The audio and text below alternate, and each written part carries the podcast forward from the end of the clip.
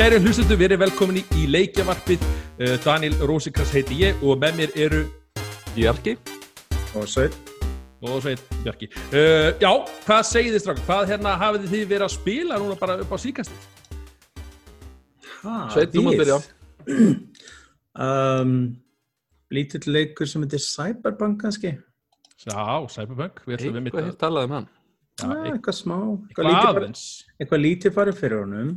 Já, við ætlum sem sagt að uh, taka fyrir mitt Cyberpunk í umræði þessu þatt, uh, kannski ekki alveg strax, en auðvitað þarna taklum við það og hérna sjálfur, ég hef verið að spila náttúrulega eins og þið vitið, hef ég verið að taka svona Zelda Marathon uh, á þessu ári. Ég er Mm. að síðasta leiknum, ég er að síðasta leiknum, þetta er 19. Zelda leikurinn Breath of the Wild, það er 19 leikir í sérunni og hann er ekkert smáraði, ég ætlaði, ég ætlaði að hlaupa í gegnum hann en þú hleypur ekkert í gegnum Jú, þú fer bara beint í gannon. Hvað væli er þið? Eh, Já, ég, nákvæmlega. Er samt- leifir að fara strax í Þetta er hann. flott missjóniður, hvernig byrjar á þessu? Er, ég byrjaði þetta bara í, í janúar, ég ætlaði að vera eitthvað óða, já, ég, sko, ég hefði örugglega aldrei tekist þetta, þetta verið ekki fyrir COVID, þannig að það er einhvað gott, ætla- ég- Það sem ég er að segja, maður hefur haft svolítið að að að, uh, já, og já, ég ákvað að gera þetta mission bara af því 2020, mér ákvað alltaf að gera þetta og, og, og svo síðust ári, eða næst ári reyndar er ammælis útgafa af Zelda, 35 Já. ára, þannig að það hefði kannski verið hæfið að gera það. Nei, hvað er þú komin í, Sveit? Bara alveg Já, já. Óta. Nei, ég setti bara eitthvað bakgrunn, svo víðlinn sann á myndalni að en ekki á alla stofuna í mynd einhvern veginn. eins og Sko, þessi, heyr, já, heyri Já, frá, hlustendur frá, frá, hérna, svo ég hendi inn hvað sko ég en hérna uh, ég er búin að spila hérna fyrsta kaplan í Tell Me Why. Já, Mm. og svo fór ég alveg frekar skemmtilega ráðstöfnu á, sem var á netinu sem svona Games for Impact. Þannig að Já, Kannski, ég sko, ég hef mjög mikið áhuga á svoleiðis leikjum. Að því sko, ég er hérna ég er framhaldsskólakennari og kenni þú veist, er með sögu og hefur verið að kenna hinn á þessu áfanga og mist ógeðslega gaman að finna einhvert vingil þar sem maður getur mögulega að nota tölvuleiki í kennslunni og þetta er ekta, ekta svoleiðis hérna, Já. uh, ráðstefna. Og þannig fór ég rauninni líka og valdi hennar leik hérna Tell Me Why, það var vegna þess að hann vann í, í flokknum hann að Game Award sem við munum fjalla um á eftir í, í kategóriðinu Games for Impact. Og svo hins hann valdi. Spiritfaris va- vann Spiritfaris, það var svo geggjaður. Vann hann, nei, jú, Nei, hann, eh, te- Tell Me Why sigraði þennan flokk. Já, já, já, og ég, ég hafði spilað Spiritfaris og ég bara býtu, what?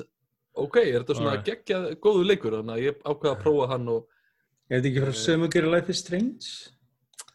kemur mér ekki óvart, ég hef ekki náðu að kynna mér neitt eh, meira en bara í rauninni að dem, dem, ég fó bara beint og keipti leikinu og spilaði hann því ég, ég hérna, bjóst við einhverju svo miklu sko. það er svolítið Uh, jú, Já. þetta er sa- þetta er er sömu gera Já, mjög söguríkur leikur einmitt með hérna, transpersonu sem er svona svolítið ábyrgð Já. þema í þessu Það gerir líka annar leik þess ára sem heitir Twin Mirror og sem gerir þetta líka Vampyr. Já, já, ok, cool Herri, já, The Game Awards, það var í, bara í 9. desember, minnum mig, eitthvað hlutis, bara mjög fyrir mánuðinum og, og ég og ásatti einhverjir uh, vinni mínu voru að anna, anna horfa á þetta bara live. Uh, Hóruð þið á þetta live? Eh, Já, Jeps, ég ætlaði nú ekki að gera það en svo myndi sveit með át og allt í hennu var ég hérna vakandi til, hvað, hvernig var þetta búið? Þrjú held ég. Já Það, maður getur ekki hægt að kemur World Premiere World Premiere. Hey, Eitt Það er World Premiere í viðbót, svo er ég farin að sofa það er alltaf, alltaf vonin að vera einhvern super duper bomba eða eitthvað sko. Já, ég, ég, fyrir mér var þetta svona, ég veit ekki, ég hafði voru litla væntingar, en það var samt eitthvað svona að við bara svona, uh, var þetta allt, eða, þú veist, einhvern veginn svona, ég veit ekki af hverju, það var, veist, greinilega alltaf að vera að sitta saman í, í COVID-19, þetta er náttúrulega ekkert eins og hafi verið í síðust ár. Nei, nei.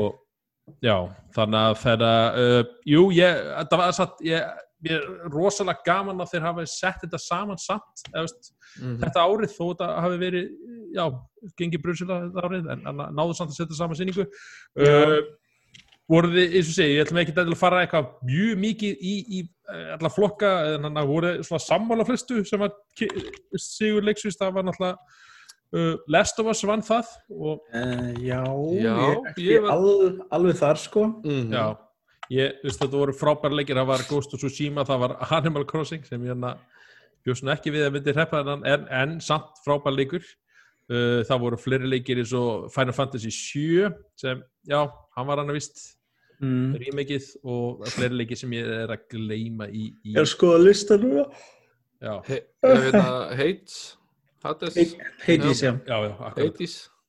Hann, hérna, ég á ennþá eftir að prófa hann en mér finnst alltaf svo gaman að sjá svona indie-leikin að gesalappa koma svona sterka inn. Já, Já, ég var ekki að vona að sjá annarkvort uh, Shushima eða Hades myndi vinna þetta en ég bjóst alltaf við að Last of Us vinna þetta. Já, og þetta, Last of Us 2 var bara, hann var legendary sko.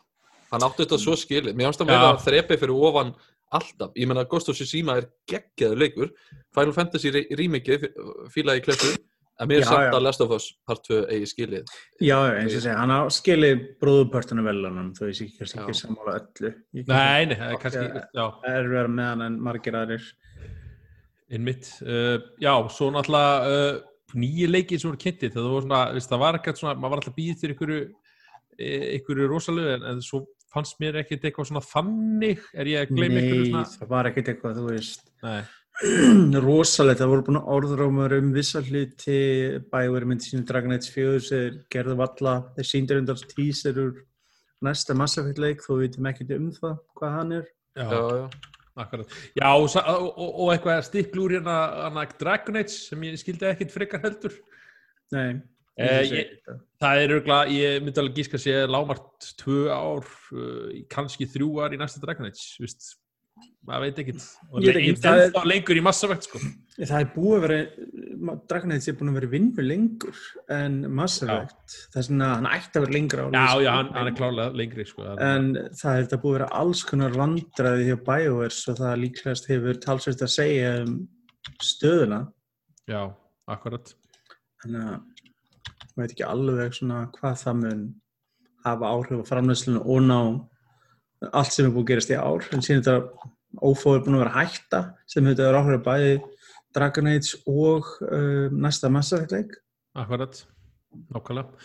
Uh, já, ég, eins og segi, ég hérna uh, hlakka til, náttúrulega bara að sjá, veist, það eru spennandi leikir að koma út á þessu ári og, og, og eða það er næsta segja, og reynda búin að vera spennandi leikir sem komu á þessu ári, einhverja síður, mm. þannig að eins og segi, en að ég, fyrir mitt leiti, svona, ef við, við ætlum að vera með allavega með svona sér þátt uh, um, um, um leikir ásins á okkar mati, þannig að við viljum kannski ekki gefa allt í sölunar, en, en. En svona, en jú, ég var held ég að vera svona sammála flestu, þannig að var, svona, við höfum alltaf síðast ár verið með svona giskleik, eða, veist, við hjá Nerdorus, eða, veist, þannig.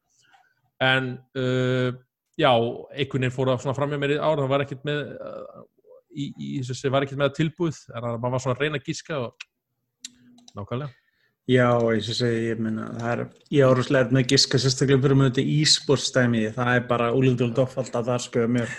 en í byrjun árs þá bjóst maður nú við að eitt leikur tæki mest, mest af þessu áður hún var frestað og áður en Búin að fresta við með það? varði eins og það var Já, lestastleysi mikla. Nei. Æ, æ, æ, æ. Nei, nei, við ætlum að taka einmitt Cyberpunk fyrir eftir uh, en þú varst að spila að leikinn Tell Me Why og, og get, að hvernig leikur er þetta ef ég er svona að spyrja? Mm, sko þetta er hérna þetta er sérstaklega leikur sem að er bara fókusar alveg á sögu. Þetta er svona uh, einmitt hérna Sveit, þú sagðir að leikja fyrirtæki að gert hvaða leik aftur líka? Life is Strange. Já, Life is Strange einmitt, þetta er svona svipað sem er, þetta er, þeir eru mjög svipar þessi leikir eru átengjur En ég myndi segja að Tell Me Why sé ennþá meira sögudrifin, það er miklu meira svona hérna að færa einhvern veginn að gera Já, þeir þeir hafa lært ótrúlega mikið að gera Life is Strange á undan bæði 1 og 2 Já, og, þetta, þetta, og sagan fjallar sér um það að, að hérna, þú skiptist á að spila, það eru sískinni sem eru svona aðalhlutverki. Mm. uh, og hérna sagt, stelpa og svo trans sem hefur farið gegnum allt ferlið og var stelpa og er sett orðin strákur. Og það er samt ekkert svona aðalmálið heldur, þetta er ekki, þetta er ekki svona þvinguð aðalpersona skiljiði, svona hei, hann er trans, sjáuð hér heldur, hann bara, veist, er Nei, trans það er, og, hann er og- bara það. Já, og sagan fjalla meir um svona uh, að skilja sagt, hvers vegna mamma þeirra var eins og hún var. En mm. uh, það sagt er strax í upphafi uh, leiksins þá er uh, alveg sínt þegar að í rauninni hérna mamma þeirra er drepin og þau eru reyna að skilja fortíðina út af það gengur leikurinn, að skilja fortíðina betur, sapna gögnum og, og svona og, Mm. og hann er alveg rosa hægur og þetta er rosalega svona hvað maður að segja, það er ekki mikið svona fantasíu elementið, það er bara að reyna að vera að hafa þetta eins og raumurögt og, og hægt er og mér finnst alveg personar mjög töff í leiknum, þú veist, þetta er þetta eru raumurlega personur og þetta eru svona raumurlega vandamál og, og hérna, en uh, á móti þá er spilunin mjög lítil, þú ert ekki að gera endilega neitt þú alveg mikið, þú ert stundum bara að sitja og horfa á uh, mjög löng cutscenes. Mm. og það sem að mér fannst kannski það sem mér fannst flottastu leikin var að maður hérna, skiptist á að spila þessa, þessi sískinni og þau eru til dæmis stundum að reyna að muna hvernig eitthvað gerðist uh, sem sagt fyrir, þú veist, þegar þau voru krakkar. Og þá er hérna þá minnið þau sko þá minnið þeir ekki nákvæmlega eins heldur, þú veist, þau muna ekki eins eftir atbyrðunum og þú þarft að ákveða uh, hvort raunveruleikan þú vilt kjósa að velja þér. Hvað upplifunin er einmitt Já, þú veist, þú heldur að þetta sé uh, eins og þetta gerðist eða, skilur, þú ert að velja aðra okkur á hliðina. Uh, og það fannst mér mjög áhugavert en það sem að mér finnst alveg vantar stórlega í leikin er rauninni þessi beinu áhrif þegar maður er að velja eitthvað maður finnur ekkert einhvern veginn já, ég verður að velja slæmt eða ég verður að velja gott eða af því ég gerði þetta þá er þetta að gerast heldur þetta er bara svona, ég meina ég er bara búin að spila fyrsta kaplan, þetta eru þrý kaplar Já, en er það ekki spurning hvað mikið kemur við sögu það síðar? Jú, en mér finnst þetta ekki neitt vola hvetjandi til að halda áfram. Ég langar ekki vola mikið að spila eh, restina við sjónum.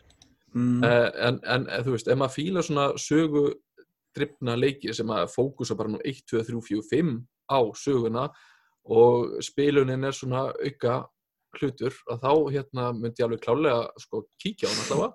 Það er flotta Ég- persónur og allt þetta en, en ég hefði alveg viljað sjá svona meira, hvað maður að segja, feedback frá leiknum uh, upp á þetta að gera, upp á ákvarðanir. En spurning eins og þessi, það er mjög aðtvist að heyri þegar þú eru búið með episode 2 til dæmis, sjá hvernig það er.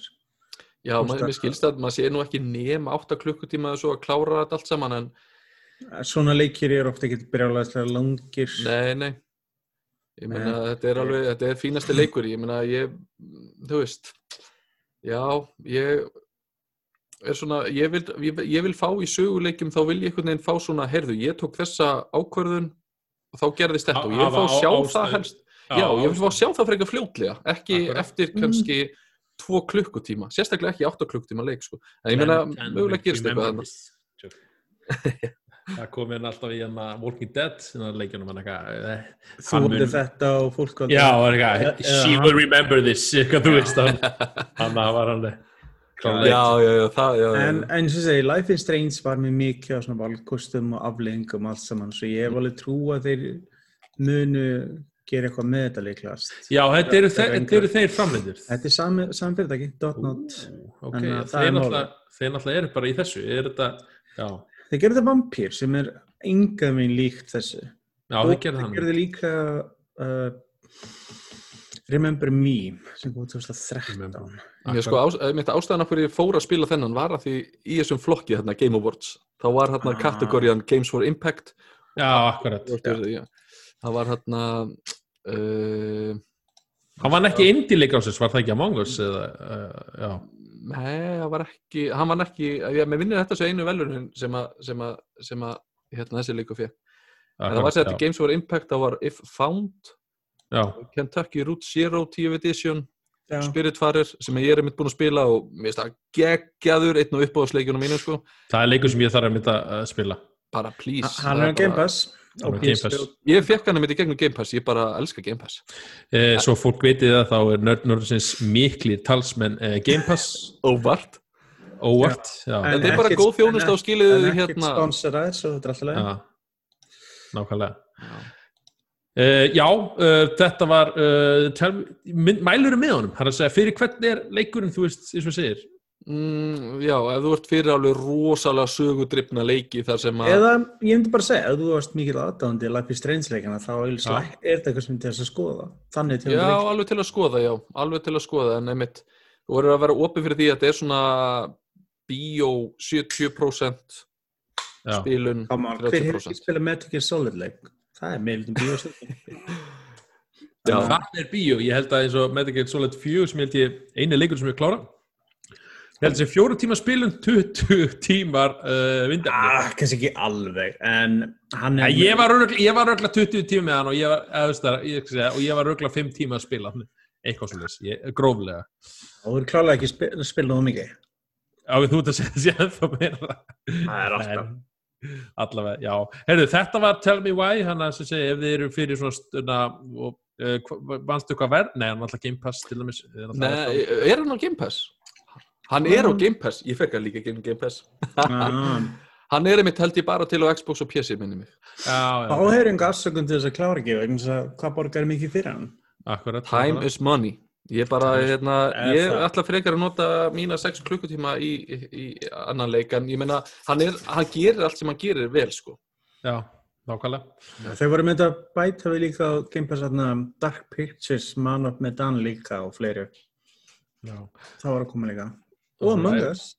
Among Us, já, Among Us var að koma og hann var að koma, eh, nei, hann vildi að koma næsta ári Hann, hann kemur á, Xbox á næsta ári, kom á núna Game Pass á PC og sem þú kom hann á Switch um dag líka. Nákvæmlega. Ég hérna uh, fyrir rétt í Among Us þá var, var umræði hérna því ég kipta hann á Switch og kosta, kosta 5 dollara og, og mobile útgæðan er frí ég held að vera auðlýsingar en konan fullir að það sé yngar auðlýsingar finnst það var Nei, skrítið Ekki þess að ég hef séð. Og hérna og hún nefnir, ég sagði, veist, ok, finnst geggja þessi frýr og, og, og svo var, veist, ég held ég hef búin að spila hann öruglega á PC, öruglega svona 30 35 tíma. Og þetta er geggjað leikur í góðum vinnhóp og hérna uh, já, og, veist, og ég borga 5 dólar fyrir hann og ég sé alls ekki því. Og ég, það verður myndið að umræða á Nintendo síðan að það var eitthvað, að þetta er porta móbalútginni og, og er að rukka fyrir hann, þú veist, alveg, þá fór ég að mynda hana, heyrðu, heyrðu, heyrðu, heyrðu, nei, maður færi svolítið mikið fyrir mi- hérna, peningin á þeim leik og, og, og þessu litlu leikjum og hann að Já, já, algjörlega. geggja pros fyrir það en Sveit, þú ert líklegast einn af fjórum á landinu ekki staðfest sem eiga the Xbox eh, ekki Xbox Series X tölvuna Uh, ég get hvorki stafsni neita því. Já ok, ég, ég, ég, ég veit ekki þessi fjóri ég er bara náttúrulega að segja einhver tölvu Já, nei, ég var bara að segja hvort ég verði með. Uh, já, ég get staðfist að ég er búin að eigða og get stíma með þeirri vél. ok, geggjað og hérna, segðu okkur þú já, getur sagt okkur frá tölvunni Og það, alltaf sales pitch eða... bara hvernig þú fegst hana, hvað fá- kost nei, jú. Já, ég stala hennar vörubretti. Já. En mér, fæst, mér, mér langar að henda samt einu inn hérna sem þetta við hérna, verðið vegna þess að hérna, það voru meitt margir sem sagði bara uss, uss, uss, hérna, 160 skall, hvað er í gangi? En svo sér maður þetta- núna, þú veist, það er hellinga fólki sem kefti Playstation 512 og Aha. nú eru uppbóð í gangi og það eru aðrir að kaupa af þeim á þessu verði. Á þessu Vá. verði og herra sko. Eh, Þetta er, ég veit þetta er bara ekki. máli. Þetta er bara Ég máli. myndi ekki kaupa þetta á þessu verði en Nei, sko, ég, ég stopp ekki aðra. Það er málið, þetta er valkostur, það er Já. engin tilneiti til þess og þetta var svona, ég fannst þetta svolítið astnalega ósengjart umræðu vegna þess að, sko málið það, það er ekki ennþá komið neinn ofinbér sala á þessum vélum enn á Íslandi, þannig að þú, ef þú ætlar að fá þær, þá þarf það að flytja þér inn einhvern sjálfur, finna einhvern að kaupa fyrir þig, það mun alltaf kosta, þetta er blíðung vel, það mun alltaf kosta því ágætt spening ofan á þessu borga fyrir vélina að senda hann til landsins. Svo er Mm. einhverju sem hafa náði í gegnum Amazon svona af og til. Já, og það sem ég segi, og það er sendingkostnaði það líka, og tallar og gjöld, og þegar þú leggur þetta allt saman, þá byrjar þetta að verða alveg, þú veist, 130-40 skall. Síðan þetta verður að taka tillit til ef að vestlunum er að flytja inn, þá kostar þetta að flytja inn, þú ert að eða peningi í þetta. En uh, eða eins og ég segi, þetta er eins og ég segi, þetta er engið, það er ekki neytið til þess, en ef að fólk vill það og er spennt, alveg sem með Playstation, hvað er fólk að gera núna vinstri hægri?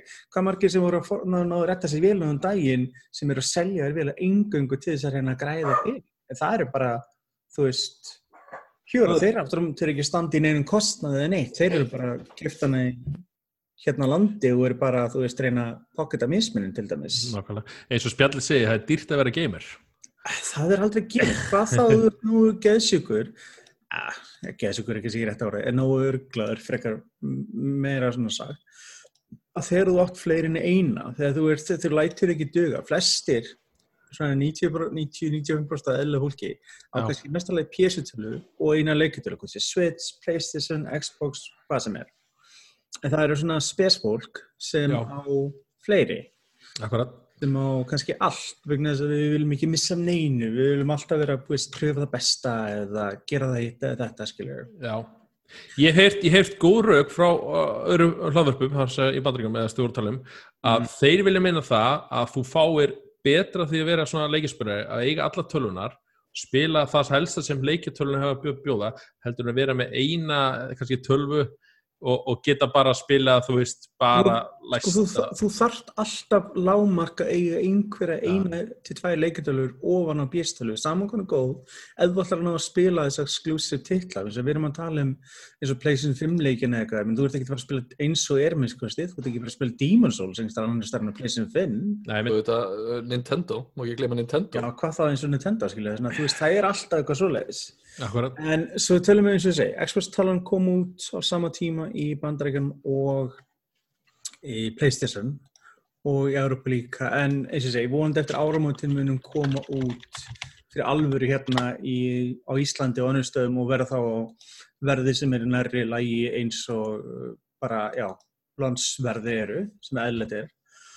Og þetta er eitthvað mjög sérstækt, sko, það sem kannski fyrstu sín þú sér Xbox-töluna og eins og kannski sást á myndan sem ég tók, þar sem ég setti Xbox-töluna og Playstation-töluna. Ég fannst það stránga heiðaletta ég held að það var gömu klippa þú varst að taka upp hérna og búið að og opna hana áður og allt kruppa Já, Ég stóðst, ég stóðst ekki mátu að opna þetta sjálfur, ég fatt ekki hvernig eftir allt ég Gast ekki hafið þig Svo hlustast þið vita þá pakkaði sveit, eða, mér er aftur saman og það var allt svona kruppa ég bara eitthvað, hvað er Valmart og Vesli varst þú að svo Ég satt sa- að hann var mjög heiðalegur, hann tók svo fram uh, bara svo þið viti, þá er ég samt búinn að opna þetta.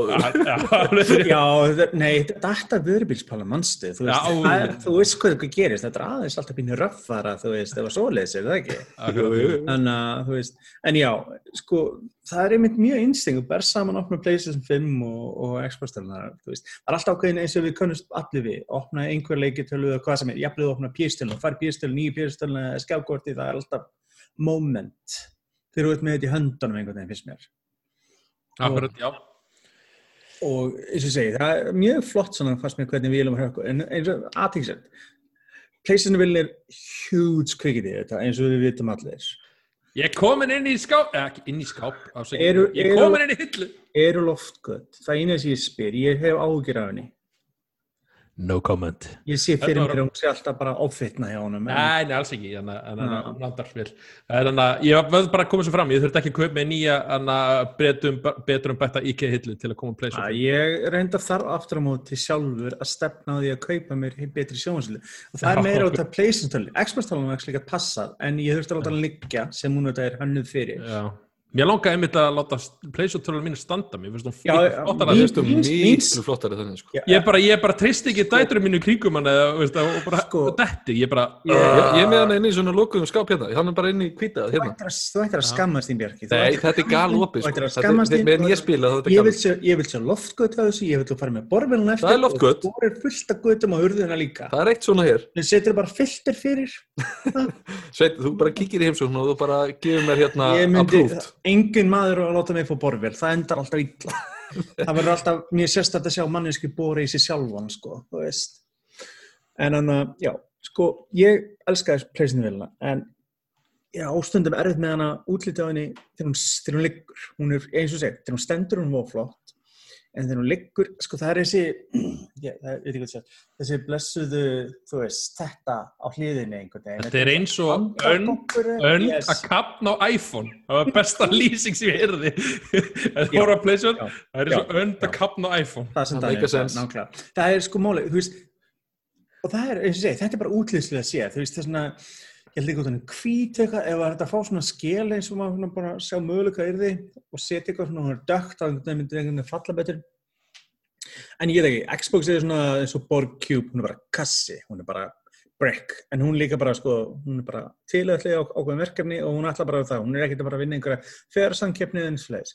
En það sem ég teki eftir þetta mismun á henni, þetta ég hef svona, viðmiðnabúnd, hún er ótrúlega lágvær.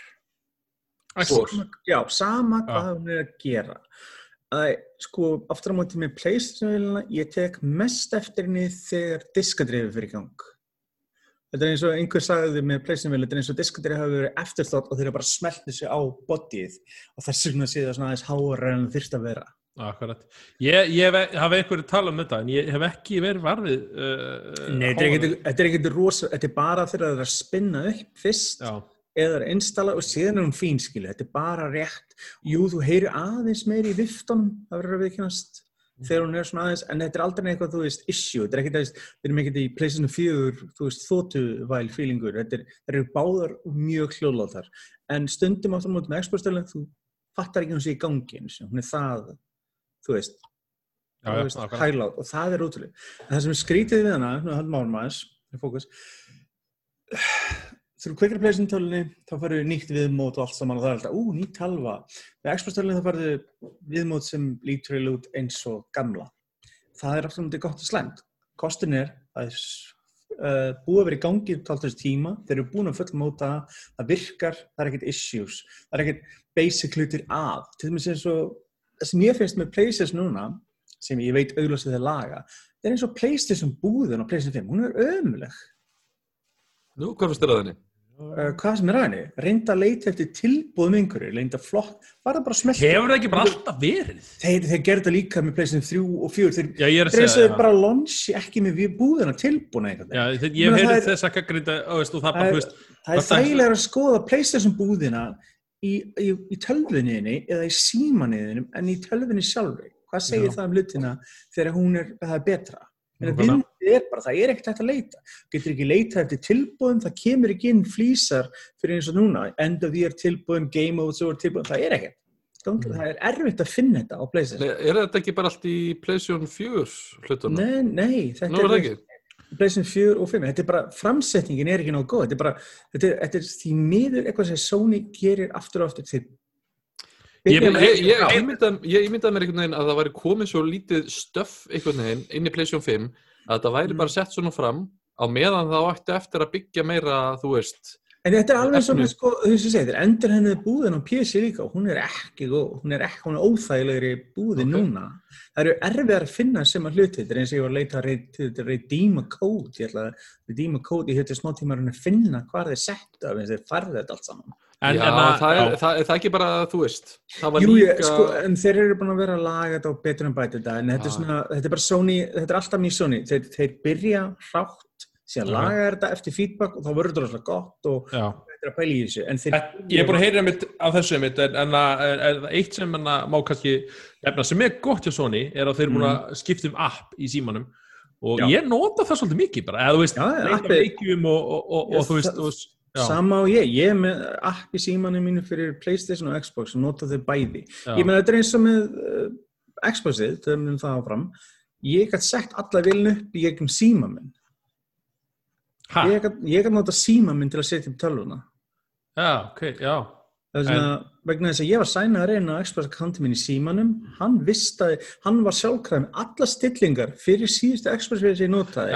skil import þetta alltaf mann og ég þurfti ekki að slá henni. Einasta hlut að gera henni og nokkur til sekundu síðar var talan bara komin eins og næst ég skildi við hana, tilbúin, ekkert mál. eins og er þá er PlayStation 5, ég sett hann upp bara sem nýja hef Sko, þetta er, þetta er alltaf eins og maður segir þessi klassíski hlutur sem maður hefur sagt um þessu fyrirtæki. Sony er velbúna fyrirtæki, Microsoft er hugbúna fyrirtæki. Já, þetta- sést oft í þessum hlutum. Microsoft á til að koksa stundum í hardverinu og sem er erfiðari mistök að díla við en Sony á til að fambla í softverinu en þeir, custom software þú getur lagt bara það, þú getur betur um bæta. Og Nintendo er allt svona bland í paka, póka bara. Já, en svo í en Nintendo er nú alltaf, hvað, einu, tveim skrifum eftir á með allt annað eru svona á sinni sérstöku her, herferð. En þeir eru með svo awesome leiki að það, þú veist, jafnast Já, já, Já. Sko, eins og ég segi, svo höldum við að exposi, eins og ég segi, við mótið kannski kunnulegt en þú tekur strax eftir einu mun að fara úr til dæmis bara One X sem er hingað til að verið kraftmestasta last gen vélinn yfir í Series S eða X. Að þú tekur eftir allt til snabbi. Það er endur að pleysa líka, bara munurinn að fara úr mekanískum hardiskum yfir í solid state diska er gríðal stökk. Og á sem allir auðvitslega vita sem hafa notað svoleiðis á pjessitölum hvað er mikið þægilegra að nota svoleiðis? Og þarna það er allt miklu snappjera og það er mjög þægilegt viðmótið eins og með búðin og hvernig er allt integritað og þetta smart delivery, það er bara hlutur sem eins og ég segi, ég man að Microsoft talaði mikið um þetta í byrjunum og var aldrei vissum hmm, hvernig myndi það virka sko? Þetta að hún mun alltaf sjá hvaða tölvu þú ert að spila og láta það fá útgáfuna sem þú vilt. Þetta er eins og ofta núna til Playstation þessi vandraði sem fólk hefur lendi í að installa Playstation 4 leik og fatt ekki en þú ert að spila Playstation 4 útgáfuna þú ert að spila Playstation 5 útgáfuna. Það er mjög amatjörlegt. Maður bara svona, hvernig fara það Það hlýtur alveg- af einhver lítil uppfæsla bara. Já, ég meina, Sony mun laga þetta, það er engin spurning, Sony mun laga alla þessa vankanta. Þetta er bara að þið- þeir launchið með þá, það er alveg það, þetta er meira að þeir launchið með, en það er það sem er margt á þessu árið sem hefur komið út og svona semi-klárað, eh, sem hefur komið við á eftir. Já, svo hérna, það er hérna, ég er alltaf vitna í podcast eða öðru podcast löfur, annar löfur og þeir eru veit svona, já þeir hérna komu gett sem alveg punta. Uh, þeir voru, og, og sem meikar á sens, að þessar leikitölir Xbox og Playstation voru svolítið flýttar Þetta, Já, þetta, já. er, þetta eru tölfur sem um, þú veist, þetta er svona tölfur sem hefðu alveg geta komað næsta ári þú veist, þeir vilja náttúrulega bara veist, jólasöluna og allt bústískir sem þetta kringum já, það er Æ, og já. það er það mörg vélega launchið síðast. Já. En þetta er eins og fréttina vorum, Microsoft afhendi development kits fyrir vélina sína miklu setna, en það er vegna þess að þeir voru býða eftir nýjustu útfæstunum frá AMD akkurat. áður en þau gerðu það, en Sony pushaði miklu fyrir, það er svona Sa, svo líka bara Sony leikið framlendu fengur bara tölvunar svolítið í sett í henduna til að Já. gera til þess PlayStation 5 útgöfu af við, við, við hefum séð þetta áður við, hefum búin að upplifa hana við erum svona gamli hættinu pínu við hefum upplifað nokkra kynnslóður á leikjartölum Svo, útgáfum svo, svo munið þið líka að við vorum nú alltaf að tala eitthvað aðeins um þessar tölfur í podcastunni hérna, vorum alltaf að býða eftir að ég myndi að fá að heyra hvernig þessar tölfur kemur út. var sko meðan. Microsoft, Microsoft voru mjög duglegir að kynna vélina og síndana að meðan Sony held að þessi spila hann rosalega lengi og við höfum bara alveg fann að um þið myndi bara segja neitt og bara allt í henni í mann heru, svona er þetta, þetta kostar þetta og svona lítur þetta út við, maður var bara alveg að efast um að allir virkilega bara út í dampaka Að við vorum koni í hvað, við vorum ekki koni í miðan oktober til að loksið spýtt út sér hvernig það var og hvað það kostaði? Já, mjög seint allavega. Já, mjög sent ég hef aldrei upplifað svona senkun áður á þessu Ætti- Eftir að svona, meta upplifinuna, þú veist, Xbox og, og Sko, Playstation og væri bara one on one, ertu með eitthvað svona augljósan vinnir akkurat núna, þú veist, Sko- er þetta, já, já, það skrýtna er sko, eins og ég segi, eins og ég sagði viðmótið er það sama, en allt er miklu hraðar, allt er miklu betra, allt keiri miklu betur. Þannig að þetta, er- þetta er að líka þessu saman við, menn það verður stundu verið gert í skóna að við munum einhver daginn standi því að leikjartölu verður bara svona uppgöt eins og símanir. Það kom út okkur einast ári eða annarkvært ár og þú veist, þetta verður alltaf sama en bara betra. Prófélar og svona, já. Já, þú veist, svo- svona stundum talað minna bransa, þetta segja vissuleiti það en þó ekki. Maður finnur, þetta er svona eins og þú veist með pjastilur sem varst að smetla nýja skjákostinni sem er miklu betra og skyndilega að kera allir leikinir í betri hæri upplöðust, uh, betri frame rate, allt saman, þetta er pín svoleiðis. Þetta er svona vissuleiti með það, við erum ekki að það byrja að sjá. Ég meina, veikleiki í Xbox-tölunum klálega eins og er, er núna að það skortir auðslega skrusileiki, Halo var senkað og það er það ekki droslega mikið, menn þeir eru mest að keira á third party núna á meðan Sony hefur eins og Spider-Man og Demon's Souls og Astro's Playroom og The Dote svona til þess að fylla þess upp í það er spursmál hvenar uh, öll þessi fjárfesting sem Microsoft hefur gert í fyrirtækjum byrjar að skila sér í exclusive titlum þeir eru vera mjög duglegur að kaupa og það var áður en þeir keftu Bethesda. Að, og þeir hafa gríðalegt efni núna til að gefa út eh, á næstu árum. Og maður hugsa með sér út að þessi kynslu á þetta að vara, aðeins lengi, eh, vara svipa lengi og erum með betri hardware núna. Bæði PlayStation og Xbox er miklu sterkari vélar við launch en þegar PlayStation 4 og Xbox One kom út. Að við vorum þá að keira á sko mobile útgáfum já, AMD Jaguar sem voru rosalega veikir fassíma eða þess fasttölvu örgjör og það hindraði rosalega uh, hvað var hægt að gera með þessi vélum þess vegna fengum við þess að prófila vegna þess að það var þyrsti til að spiffa upp eða kraftin til þess að verða að halda kynslega áfram þess að framlöndu voru að rekka sig á múrvegg miklu fyrir en þeir hefðu annars gert Nákvæmlega. En vorum- þú dodgeaði svolítið spurninguna? Nei, Ú, ok, spurðan það aftur Xbox eða Playstation? er nú. Ertu fanboy eða ertu bara neutral, Ég þú ert smá Xbox kattið? Sko ég hef alltaf verið múr hrifin að Xbox, en ég meina, Ja. ég átti nestölu fyrst, ég átti Playstation 1, ég hef átt alla tölunar meira með undir sólinn nema Dreamcast eitthvað. Þannig að ég hef pröfar allar og ég hef áttar allar. Sko ég, ég, ég heitlaðist alltaf rosalega uppröðun Xbox þegar hann kom út. Þeir komum með leiki eins og Fable, Halo, Forza og Crimson Skies, alls konar titlar sem voru ekki til áður fyrir og PlayStation 2 var bara með sitt og það er einhvern veginn, ég var alltaf með hrifin af því. En ég siplast rosalega til hvað er main platformið. En Ef við komum til bara að segja við þig, herru, Sveit, sorry, þú mátt bara vera með aðra hvora, sorry. Við viljum svar! Sko, hmm, þetta er erfitt svar þú veist, ég, ég get með, mér finnst þú sess að, þú sess að, fjastringin ger ekki milla upp er- böndanir. Uh, ég spil bara þig, ykkur báða feður, þið er fleiri neitt krakka, þannig að myndið þið gera upp á milli barnan ykkar.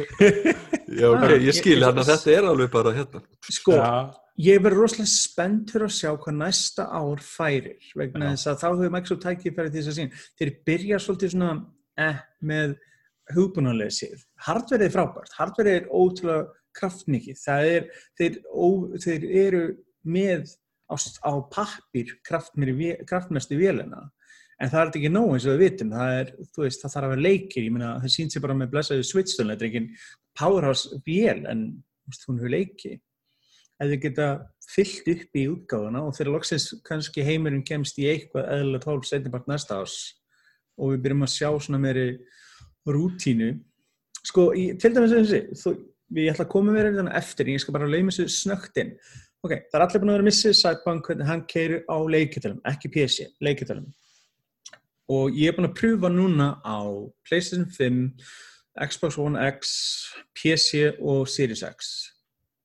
Nei, ég er aðeins með að testa hann á allstar. Og ég get bara sagt að, sko, One X-vélinn mín sem vanlega hefur verið mjög góð, hefur alltaf keirt leikina miklu betur en PlayStation 4 Pro, vegna svo hún er þetta kraftmeri, uh, var ég vandrað með blessaða leikin en síðan fór ég yfir í Series X-vélun og þá keir hann rosalega vel. Og ég reynda með henni installan á SSD-diskin þó að hann sé ekki mertur sem enhanced eins og er en hann hefur samt aðgang. Sko kosturinn við uh, hvað segja, hvernig uh, Microsoft og Sony handla uh, PlayStation 4, 5 leiki og Xbox gamla og nýja leiki er það að á Xbox hafa þeir miklu meira aðgang að hardurinn strax til dæmis, þetta er eins og gerist með uh, uh, eins og við hefur verið að gerast nú með Call of Duty Black Ops uh, Star Wars Squadron þeir hefur verið að fá litla patsa sem bæta við 120 frames per second uh, möguleikum meiri rammarhæði læri skilur og alls konar svoleiðist hluti. En til þess að gera það sama á PlayStation 5 verður að koma sérstök native PlayStation 5 útgáfa já, akkurat. Sony hafa verið svolítið, verið svolítið hérna, það er, með velbúna en með twist til að Já, ná kristna streng mestur. og þá þarf þetta allt í einu að búa til sérstaka útgáfu sem því annar trófilisti þetta er eins og dæmis ég var að testa veist uh, uh, No Man's Sky sem keirir rosalega vel bæði á nýju vilónum sama hverju megin en á Xbox er þetta bara sami leikurinn bara betri útgáfa á honum og ég held með sama save, sama achievements, allt saman ég get bara haldið áfram nákvæmlega sem ég var Já. á Playstation er þetta eins og ég byrja í fyrsta skipti en ég fæ nýjan trófílist allt saman en ég þarf að byrja frá nulli Já, ok, er ekki cross-save í PlayStation eða eitthvað? ekki alltaf, en ég meina þeir gerða þetta með Spiderman leikin, til dæmis uh, ég- þeir, þeir leiður að færa save en það er hægt, en þetta er rosalega bundið vinnu held ég á útgjöfunda og framleiðendum Já. þar og Sony en Sony gerir þessa kröfu þannig að til dæmis eins og með Star Wars leikin til þess að fá þessa update á PlayStation 5 þá verður að koma sérstök PlayStation 5 útgáfa út Akkurat. þó þessi bara digitally en með Xbox er, bara, er það bara update þannig að ég hef getað notið því og ég hef séð að leikurinn keirur tilfengilega betri sæpang á Xbox nýjöfélni hann mun gera það klálega að PlayStation 5 það er ekki spurning en bara það þarf að update það fyrir það það þú að koma þessi bara að spila PlayStation 4 útgáðan á PlayStation 5. já, þú ert að spila hann í back-on-back mode á PlayStation Já. 4 Akkurat. og hann er að keira eins og PlayStation 4 talva með þeim spekkum, hröðum og þeim vanköndum sem það er. Hann getur ekki nýtt, hann er með miklu kraft meiri vél en hann getur ekki nýtt. Einu hlutur sem ert að græða almennilega PlayStation 5 vilni er harddiskun. Mhm. Að hann gerir verkum að loading er allt miklu betra og þú græðist strax að því ölslega. Þannig að allt svona fastrál virkar. Þetta er bara eins og pröfa að installa Witcher á PlayStation 5 og það er stórfengilega flott að sjá uh, loadingið alveg eins og Xboxinu, það er æðislega flott að sjá hvort fastræfli er skyndilega snögt akkurat, ég, það er æðislegt þetta er svona, þegar að sko, sko, ef að Sony slakar aðeins á þessu með þessu að leifa PlayStation 4 updates betri og þeir hafa gert það að vissu leiti, sjá og Ghost of Tsushima og fleiri leikir sem fengur 60 frames per second patch. Já, það, þetta er allt svona Sony Já, þess vegna sko Sony hefur möguleikan, þetta, sko, þetta er ekkert, það er engin tæknilega fyrirstöður á þessu. Jón eða sér að Jón Sko, er að segja, þetta er ekki tech issue, þetta er ekki að Nei. vérbúnaðurinn er ekki nóg góð, við vitum það hann er það. Sony bjóð til frábælega góða vél. Vandamálið bara að þeir þurfa að opna fyrir vissa hluti sem Já, þeir náttúrulega, gera kröfur á, á sín eigin fyrirtæki að Já, og gera vand, þetta en, en, en henni framöndu þurfa ekki að gera þeir bara, hei, og- þeir megið það en nennið já, það, og tímið það kröfur. vandamálið er fyrir smal, smarri fyrirtæki, smarri developer, indie fyrirtæki, þá er þetta aukinn kostnað fyrir þá Akkurat, að búa til specific útgáfu versus að uppfara útgáfuna sem er til staðar. Þannig að það er verið, er þetta hík á sem fyrirtæki, smarri stúdíó sem hafa ekki eitthvað stuðning stórs útgáfunda að gefa út uppfarað útgáfu á pleysin 5. Það er margir frábæri indie-leikir á pleysin 4 sem myndi koma enn betur út á pleysin 5. Já, maður þarf einmitt að sjá svolítið þurfti bara að þess fá pats, skilu, lítinn pats til þess að gera betri, til að leifa að nýta, tappa inn í eins kraftin á pleysin 5-milni.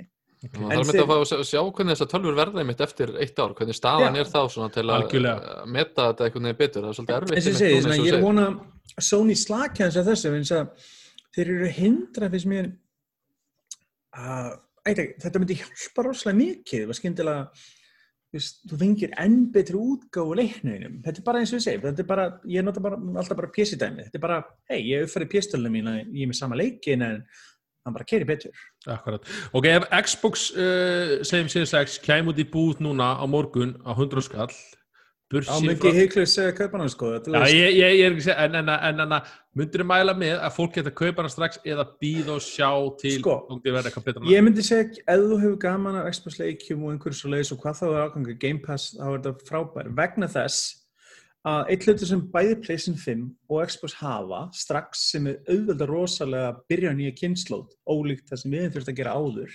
Hver kannast ekki að keft komið heim PlayStation 2 töluna, PlayStation 3 töluna og átt eitt leik og einu festringu og hafa ekkert að spila annað eftir smá stöðum. Nákvæmlega.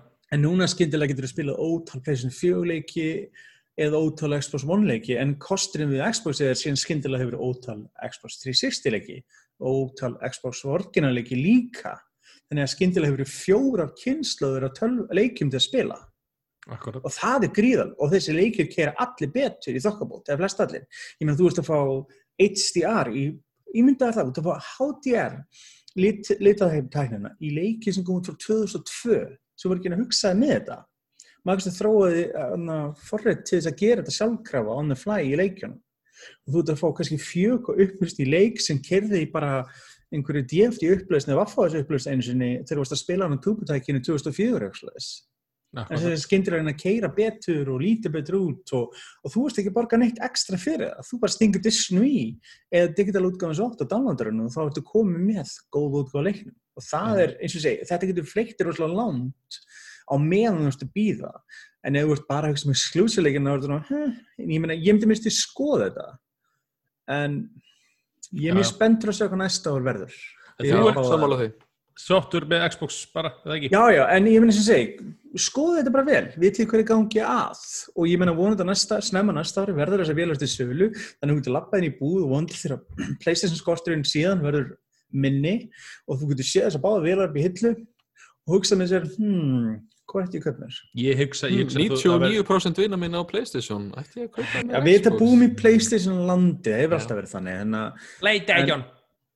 þess vegna, þú veist, hefur sína augljóslega marga kosti og allt svo leiðis, en, Nákvæmlega. að ég veit ekki, þetta er bara Ég- person ég preference. Vitið þið hvaðan þetta kemur samt? Nei, Nei, Þetta ég hefur hef bara- vilja að vera þetta- spurt þarna Ólaf, að hlusta á viðtalið við Ólaf sem var hann og Sony og já. kom Playstation, þú veist Já, já, já, já, hann. Hversu, ga hversu gamalt er þetta? Þetta minnir mér bara svona sekaðilsi. sko 95 var það ekki, kemur hann út Jú. Þe 90 þessi 95. rödd, ég er að segja, er hún hún, að vera hún kemur með þessum auðlýsingum í rauninni bara Ó. með Já, já, Og en þau sko átt að vera svona edgy og hann talaði mitt um að Playstation hefði verið svona fyrsta leikjatölvan af því sko leikjatölvan svo frá hérna Sega og Nintendo var meira sko miðað á yngra fólk og ekki Sega, ekki Sega Genesis. Sega Genesis Eh, var kannski alveg til einmitt. og þau Já, og, og lestu bókina sem er um Nintendo vs. Sega hún fjallar um þetta og auðlýsing, Þetta með, formúla, Eh, sko, það tala rosalega með auðlýsingarferðina og hvað ólíkra áherslu þeir voru með. Sega var að höfða til úlingana og háskólakrakka og meðan Nintendo var að hugsa til foreldra og barna Playstation var að horfa 20-25 ára. Já, já, og síðan Við vorum bara fyrst í það, hann var með Ég að tala um að leik, leikjatölvunar þær voru sko verslaðar fyrst og fremst það sem að flesti keftur leikjatölvunar fyrir Playstation var í. Toys R Us og svoleiðis búðum. Eins og segi, síðan þetta tók uh, sko Nintendo S, fyrir Playstation við keflinu hálpartinn af Sega og hjælt áfram í þeirra markkóp mm og nýtti sér algjörlega það og það var þetta hluti af velgengni þegar var þetta með þeir Ma- ákveðin aldsók mjög vel. Mér var samt alveg magnaðið að hlusta á þetta viðtal og hann var hérna að koma Playstation á koppin og svona taka þátt í þessu og vann við þetta alveg ykkur ár hérna.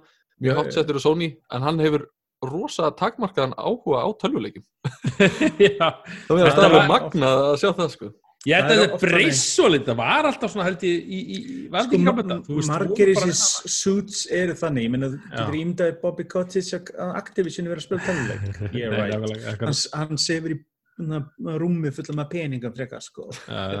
Og Ólafur er nú ekki þar, hann er nú bara að gefa út ykkur að hérna, ja, hann á örgulega nóg peningum hann sko, er já, hann já, getur leitt sér að bara sitja en hann er bara einhverstaðar á einhverjum flottum stað og skrifa bók og, Já, akkurat, Það er eftir að gefa út sko. jólabók núna sko. já það sem ég meina, hann, hann er vel settur það sem eftir er, ég held að hann getur bara Klálega sko. lifið góðu lífinu sko, en það er hann alveg búin að vinna fyrir held ég, að hann getur alveg verið sátt við sitt Playstation! En já, en ég, þetta, þetta minnir mér svolítið á Sega dæmi, þess að Sega auðlýsingarna voru einmitt rosalega þetta Já, já, en já, Nákvæmlega. Herðu, uh, já, ég hef verið að spila leik uh, sem anna, ég var rosalega spenntu fyrir, bara frá því kynntar held ég á síðast ári, bara í þrýr, var, það- eða var hitti fyrir það, ég man ekki. hvað, Mario 64 eða? Nei, hann hitt undir heitinu Gods and Monsters þá. Ah, Mm. yes, Eh, ég hef spilað hann líka. Já, og, og, og skaggrindan. sögursagnir segja það að Monster Energy segir bara hei, hei, hei, hei, þið megi ekki nota orðið Monster. Þetta hljóma rosalega eins og tilvísin í gaggrinni síla, sveistu, þetta á nörd við En, en, en, en, en svo fór að hugsa hvort að Ubisoft bara, veist, ég, veist mjög hæpið að, að, að, er Monsters rosalega megi bara, já, Að segja það, þessi títill er mjög sérstakur. Þetta er rosalega óþjóll títill, finnst mér einhvern veginn að segja Immortals, Gods, eða svona, veist, Phoenix. eh, já, hann heitir sem Phoenix sagt Rising. Ég er ruggla stundum Phoenix Rising. Og Phoenix er sem sagt, já, nafnið á persónu. En, tala þú. Já, þetta er sem sagt uh, leikur sem kom út fyrir PlayStation 4, náttúrulega á 5, Xbox Series X, kom hann á PC? Jep. Hann kom PC og hann kom Já. allar og, og Nintendo Switch. Og Switch. Og þetta er-. Já, þetta er hérna bara svona Breath of the Wild, uh, eiginlega útgafa af svona, já, Breath of the Wild, svona að reyna, hann er, þetta er Breath of the Wild. Þetta er ef að, Assassin's ok, þetta er ef að, þetta er ef að God of War, Assassin's Creed og Breath of the Wild eignast krakka saman og þetta er það.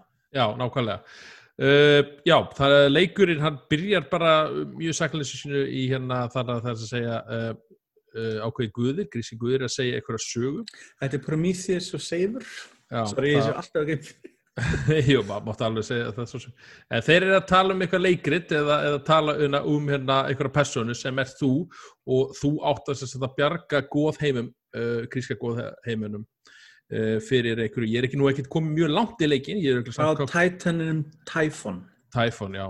sem er að herja guðina. Akkurat. Uh, leikurinn spilast bara eins og, eins og segi, Breath of the Wild. Þú ert hérna með hérna, þú reyndar ertu með svona, já, fyrir fólk sem þekki ekki Breath of the Wild, þannig að selda. Uh, hann spilast um það að þú ert með me, ákveðið þú svona, meinar linki það ekki í æfinturinu um seldu sem er svona aðalega um linka það ekki. en þú ert hérna með þessa personu þína Fenix og hérna, og hún getur verið kallaða konu, hvað sem þú vilur. Uh, það er mjög tapmarka útlýsli að sé hvað getur valið á personuna. Mm. Það er ekki eitthvað brjálaðislega mikið það er rétt. nákvæmlega og hérna þú hefur uh, sverð uh, ólíkt í Breath of the Wild þá þarf það alltaf að finna hérna Votnin brotna ekki. Votnin brotna ekki Takk það skipt fram, ég elska það. ert með sverð exi og fær bó og fær mjög fljótt allt í hendunar Já. svo hérna kemur bara því að level þetta allt upp í hérna lokin og heimurinn er uh, opinn, ég held þú getur farið sko Þú getur, ég er alltaf grip fyrir, sorry. Fyrsta eigan er ef frekar svona tapmörku, þetta er bara svona Tutorial tutorial, bara. þú ert að fara í gegnum hana, færð ability, færð gliding og færð það svona, veist, hana, til að, og svo, ertu með stamina bara, eða þól uh, áttu hérna að geta klifra upp hana, alla annars veggi í, í leiknum og, og fjöll. Sveipan sem ég myndi bara það Wild sem Já, ég er svona er eiginlega að lýsa honum bara Drekkan sko, er nákvæmlega. og hérna, og, og ég finnst svona og segi, ég var rosalega spenntur fyrir hún af því ég er rosalega the Wild aðdáðandi, meira en ég er svona grunnar því að ég er að spila leikinu þriða skipti og hérna, er það, já. og hérna, eins og segi, hann er uh, ég var, einmitt, ég bara beðið eftir ok, þetta get, get ekki klikkað, þetta er svona að vera að klóna Breath of the Wild með Assassin's Yeah. Creed og þessu og, og setja saman í, í svona geggja há, eða, st- há, hana svona háskerpu textures og svona en svo er bara eitthvað við leikin ég er bara svona, mér finnst það þetta er risa veröld, ótrúlega litríkur. Uh, ég er búin að reykast á svona fjóra svona uh, óvinni, mismunendur óvinni, finnst mér. Mér finnst þetta að vera alltaf sami óvinnurinn uh, bardakerfið frekar einhæft, þetta er frekar einfalt. Uh, það var kannski aðeins degir eitthvað að fyrst eitthvað að þú ferð óvart á móti einhvernum anna, anna, svona spyrni eitthvað. En þú nærði alltaf hljópi burtu eða dodgeað eitthvað inn og eins og segi, ég var eh, eins og segi, virkilega bara, veist, þetta var bara svona leikur sem ég svona, var alltaf að segja við, við, við strákana og ykkur og alla bara hérna, ok, hans eru að koma, hans eru að koma. Ég held að þú bjóst einhvern veginn við þetta er Breath of the Wild 1.5 einhvern veginn, ég held að þess er ekki- vonbreiðin einhvern veginn þannig. það er fínt að, getur verið að leikurinn gjaldi svolítið fyrir það að það, þú veist að hann er svona líkur Breath of the Wild og þar að leiðandi ber maður saman og Breath of the Wild eru þetta gegg ég, sko, sko, Breath of the Wild er engin, er, er engin sko, þetta er ekki söguleikur, þú veist, ef þú ert að fara sko, sko, Nei, söguleikur það er mesti veikleiki þess leiks að mínum að til er, það er rosalega veik sagan, finnst mér, Já. eða lítið sagan í þeim leik. þessi le leikur hann að fín sveising, hann reyna að segja ykkur sögu en er, mér finnst það bara ekki spennandi hann er svona að reyna að tróða inn og, og, og ég er bara svona, í, þú veist það svona og personan þau sem hún talar sem ég var að segja við Svein að hérna, uh, mér finnst þess að sé alltaf í ykkur leikriti eða hún sé þessi fullu sala Ég meina, grís, tala fyrir, já, grískar s- svona sögur eru, svona makja svona, þetta eru svo þjóðsögur, þetta er Já. alltaf pínu leikrit. og mér fannst talsningi eins og sé mannskja sé bara á sviði bara í leikosinu ha, já, ég þarf að fara að þanga og, og best að gera það svona tala við sjálf og segi og, og, og, og Spilaður það þau kallkins eða kvenkins? uh, kvenkins Ok, ég líka, ok, bara forðin, breykt hvernig svo vilt. Ha, nú, já, á ekkert. skiptibórn Já, ok. Skiptibórn eins og, eins og Það er afsakið, ég segir, ætla að fá að vera kona í dag. eins og Hermes segir, og rífi bræðir húðuna og, það var þetta rosalegt. Já, það er segja- gaman að geta svolítið ég er mitt heyrðugstar í hérna að því ég þór ekki að snerta Cyberpunk með, þú veist, 10 km á lengur priki að, þar var ekki einu svona þetta einmitt að sko breyta klippingun eða eitthvað Já, ég, það er úrslega svekkt, svekkjandi að customization op optionu þar eru ég er sem það er hefðilega sem meira. Mér finnst þetta einmitt mjög sniðut að geta bara segi, þú getur breykt hvernig sem er, þú getur með kvenkisrödd og kallkynna og þú getur Það stundum er maður ekki 100% sáttum, maður vill breyta, maður finnur það ekki kannski fyrir eftir tvo tíma eða eitthvað. Já, en það sem er svo það mikið tala í leiknum, þá skilja alveg að vera bara kannski bara tvær rattir, það er auðvitað strempið að vera að taka upp tonn af dialog fyrir þannig að það breytir að, að það breytir svo sem ekki hvort þú ert þú færð alltaf sömu, þú veist, upplifin eða ekki, eða Já, ég pröfaði, ég að sest, ég spila leikin á Já. Xbox og síðan er ég búin að spila skiptis á PlayStation f- 5 já, og bara svona bera saman og ég pröfaði myndi að byrja bara aftur sem gauð, bara svona þess að sjá, þú veist, var einhver munur og það er eiginlega engin sko, ég, þetta er bara sömu línunar og þú veist, já, já, ég bara, ég kann samt betri kvenki þetta er samt ekki eins og Assassin's uh, Odyssey, þar sem hvern leikkonan og stóð sér hundra svona betur en gaurinn sko. já, svo líka það. Ég er með þetta er náttúrulega frá framleitur sem gerðu Assassin's Creed Odyssey, þannig Já, eða svona, þetta er svona hlýðaverkefni sem spratt upp úr þeirri vinnu Já. við Odyssey. Og þeir eru svona, svona- og þeir eru svona horfðu brett og veldu við getum búið til svona lítinn leik. Að fær sem með tilfinningu að þetta, þetta hefði átt að vera smerri leikur já, og það kannski, þú veist, ef þetta var 40 dólar leikur þá kannski verið fólk aðeins að vera vægar á honum vegna þess að það var ekki að gera háar kröfu til hans. Hann Ég- tekur enga sjensa, hann gerir enga byltingu. Það er málið, það er svolítið svolis En það sem ég finnst þér, hann er svona skemmtilega, hann er fín afþrygg, hann er það sem ég vildi frá hann. ég langaði- eftir að klára hann sko. Mér langaði einhvern heim til þess að leika mér í, hafa gaman og það er það sem þið leikur uppfyllir einstaklega vel fyrst mér. það vantar eitthvað svona eins og segi ég er að spila Breath of the Wild aftur í, aftur gegn og eins og segi, þetta er sko fólk, fólk heldur að Breath of the Wild sé eitthvað bara, veist, bara veist, ok, hann er hann er, hann er geggjaður og allt það, þú veist en hann er bara að fá láni hér og þar all, og setja bara En þetta er svo þetta- vel gert, þetta er bara svona eins og með, þú veist, þú veist, iPhone-in sem að var ekki fyrstu með tæknin, heldur slípa allt svo rosalega Já, sko. það er, þeir, þeir, þeir eru ekki að reyna það þarna og það kannski er svona pínu Já. mist opportunity, það er alveg rétt. Það hefði verið gaman að sjá það reyna með þess meira. Ég, ég hefði annar fara leik já, síðan hefur annar leik eins og Genshin Impact sem er, hefur verið að koma ákveðlega út þrátt fyrir að frí leikur já og einmitt líka byggir á svona ákveði væp úr Wild. hann er svona, ég veit, ég hef að horfa til hans, ég hef ekki prófað hann eða en ég var einmitt, ég, ég er svolítið mjög áhuga að vera hún, ég er kannski, kannski er ég bara rosalega spenntu fyrir Wild 2 Ha, hvað er það að meina? Ég er ekki? líka. Veistu Já. hvað mín mesta, veistu hvað mitt mest wishlist er fyrir þann leik? nei, segið, Meiri saga, meiri saga. já, Mér já. fannst rosalega svekkjandi hvað lítið af sögu. Ég elskaði Wild, frábælega gameplay 10 bara allast það, frábælega. Veikleikinu var sagan, mér fannst óblítið af henni. já, Það var bara það sem ég fannst mest vanta. Var, ég, ég held að, ég- eins og segi, ég hef voru að spila uh, alla seldarleikinu og það er svona, það verður ekki fyrir held í Skyward Sword sem þau fóru svona að reyna eitthvað rosalega með söguna, þú veist, að gera eitthvað svona, uh, já, þannig að reyna að skrifa uh, eins, eins og hérna umdilt, þannig að spilunin væri á þeim leik. Já, já, já. og hérna, já, Breath of Wild, það var hérna, hún- hann er bara, eins og segi, alltaf klála með öllum sem hann að, spila hann í gegn. Og, og, og hann er að, veist, hann, ge, hann gerir ekkit, eins og segja, hann er ekkit svona, veist, þetta er ekkit sko, ég er auðvitað að koma í orðið einhvern veginn, uh, þú veist, þetta er ekkit eitthvað það nýtt, þetta er eins og Bjarki segir, það slípar allt, gera þetta vel og ekki tala ekki um það, að þetta sé selda heimur seld, og setja þessu í sandkassa, þú gerir bara svo vill, getur farið hversu vill, svolítið svipað í Mortens, að mér finnst eins og í Mortens, ég segja svona bara, að nú þarf ég að gera þetta, nú þarf, það er, Svona ég fæ, já, svona, samt, Sko, þú, þú rekst reyndar eitt, eitt sem ég get sagt þér, Já. sem er engin spoiler. Nei. Þegar þú góð lengra í leikinn, það er ákveð svæði í leiknum sem er snjósvæði. ok, Það er svolítið öðruvísi. ok, já, Þannig að þú, eins og sé, sko þessi leikur líka öðruvísi til til er, hann er með erlagstillingu, það er fimm eða sex erlagstillingar og meðan Breath of the Wild er ekki um neina eins og Nintendo hann að leikinu sína öðruvísi. Og Wild er alveg uh, samt svona, þú veist, þetta er svona þetta er- svona seldaleikur sem við degi lang oftast í veist. Já, ég sko, mér finnst það alltaf lægi, sko, ég stundum elskaði ekki weapon systemi í þenn leik, hvern Nei. alltaf- hvern einasta vopn brotnaði og stundum fyrir mér var gaman að hafa einhver vopn og ég bara, ég vildi nota það, en þess að leikur var alltaf neðað til að, þú veist, að berja einhvern kall með eins og þú með þetta vopni eins og að Já. brotna allt sem maður stundur bara, já, ok. þarna í- en í Phoenix ertu bara eins og þetta, ertu bara með þitt sverð getur, Þetta getur er eins og segja, hann notar mikið með systemi. þess að sverðið, sverðið þitt og fengi betri abilities Já, sko, sund bardasystemið, sund vopna og svona er beint fengið úr Assassin's Creed leikjunum í síðustu. Þú sér það þar á meðan svona opni heim, exploration.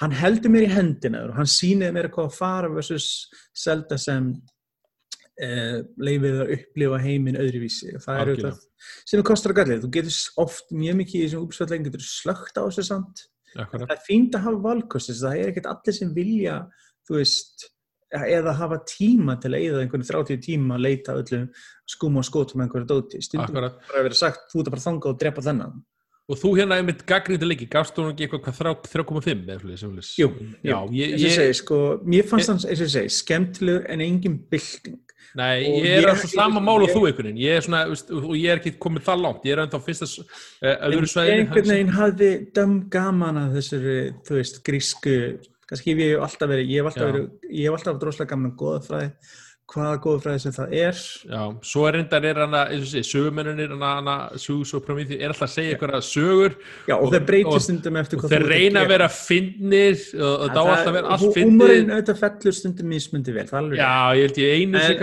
kannski ekki eins ég er ekkert eitthvað að missa mér hlátrin, hann fell kannski ekki eins harkarlega eins og og þér uh, með við hvað þér fannst sko. Já, ég var svona, eh, neyðið inn í já. en eins og segi,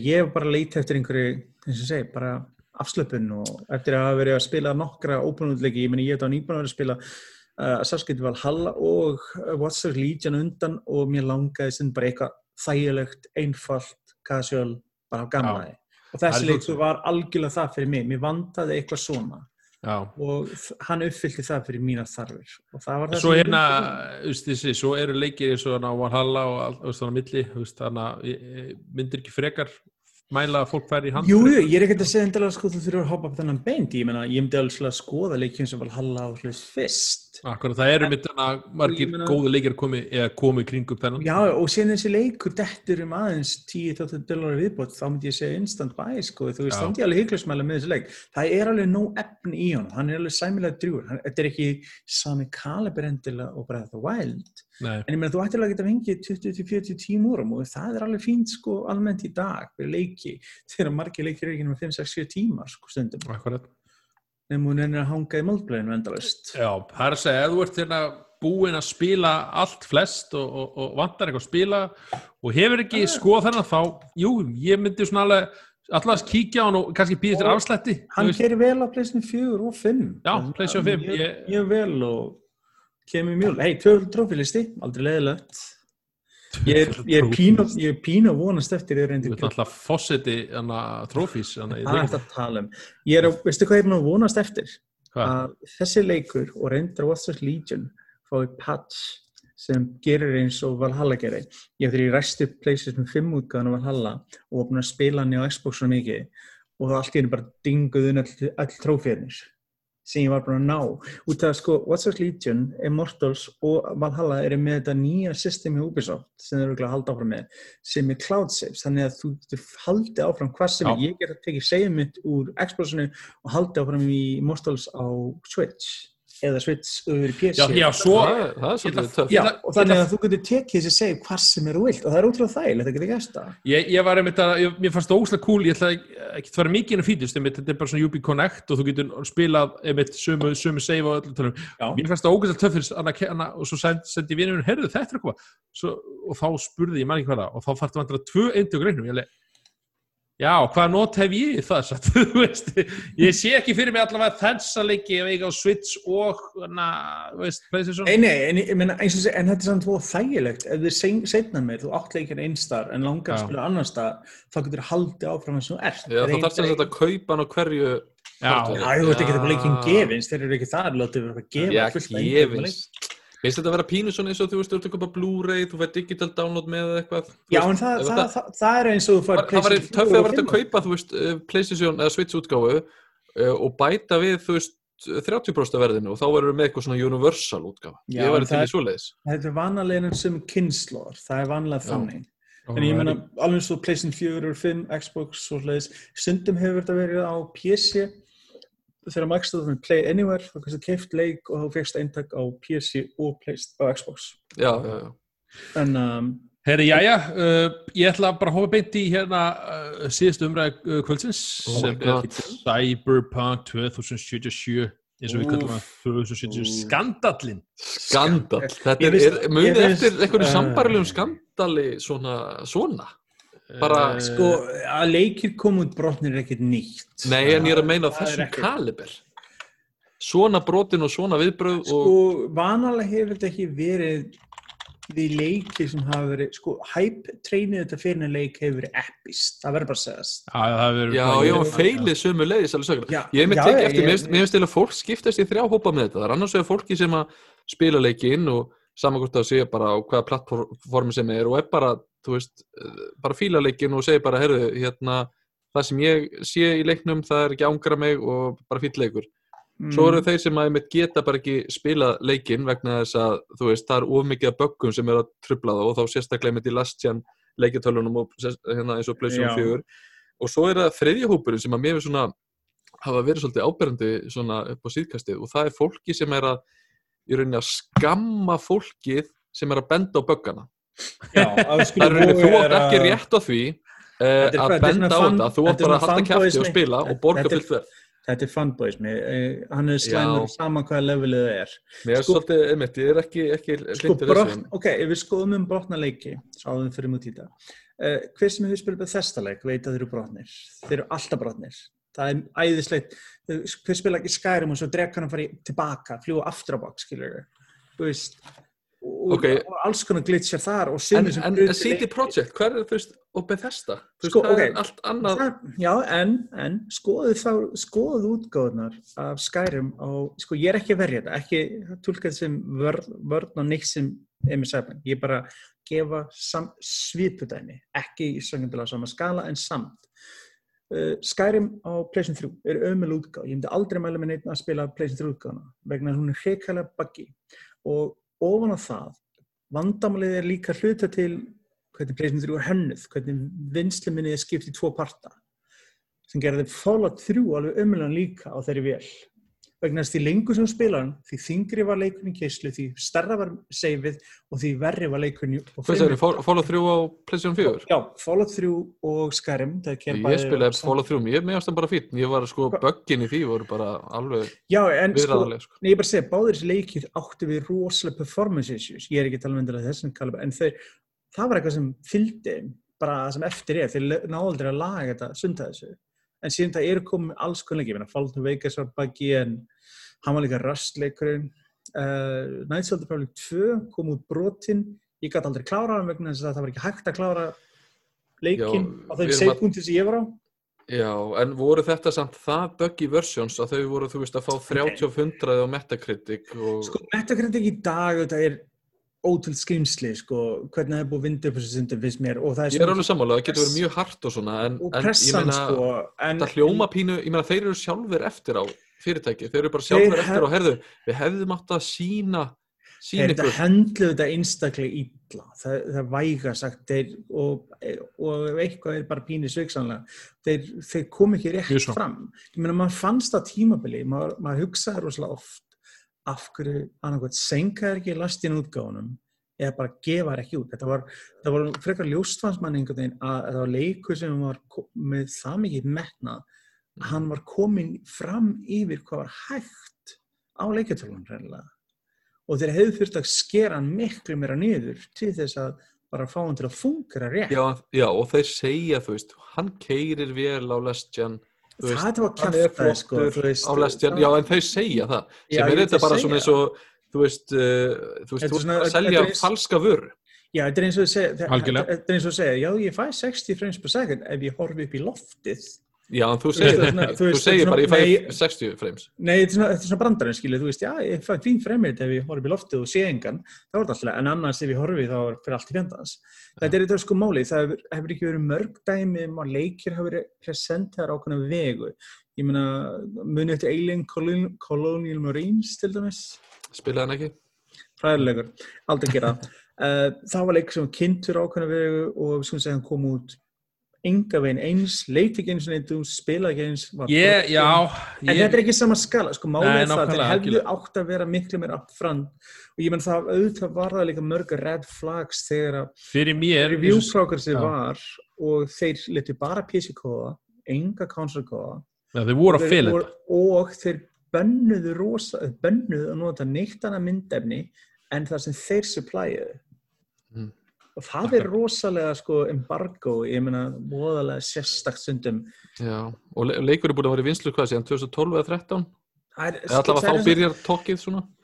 Sko, já, það er, sumir einhvern veginn halda allt, eða það er búið svolítið líka röng umræða að leikurinn hafi verið vinslu, sem er ekki rétt. Leikurinn hefur verið byrjaði vinslu fyrir alvöru eftir að DLC-ið fyrir Witcher 3 er búið. Já, 2017 eitthvað Já, þá er raunverulega þetta að segja, hann byrjar 2016-17 einhvern veginn fyrir alvöru í vinslu.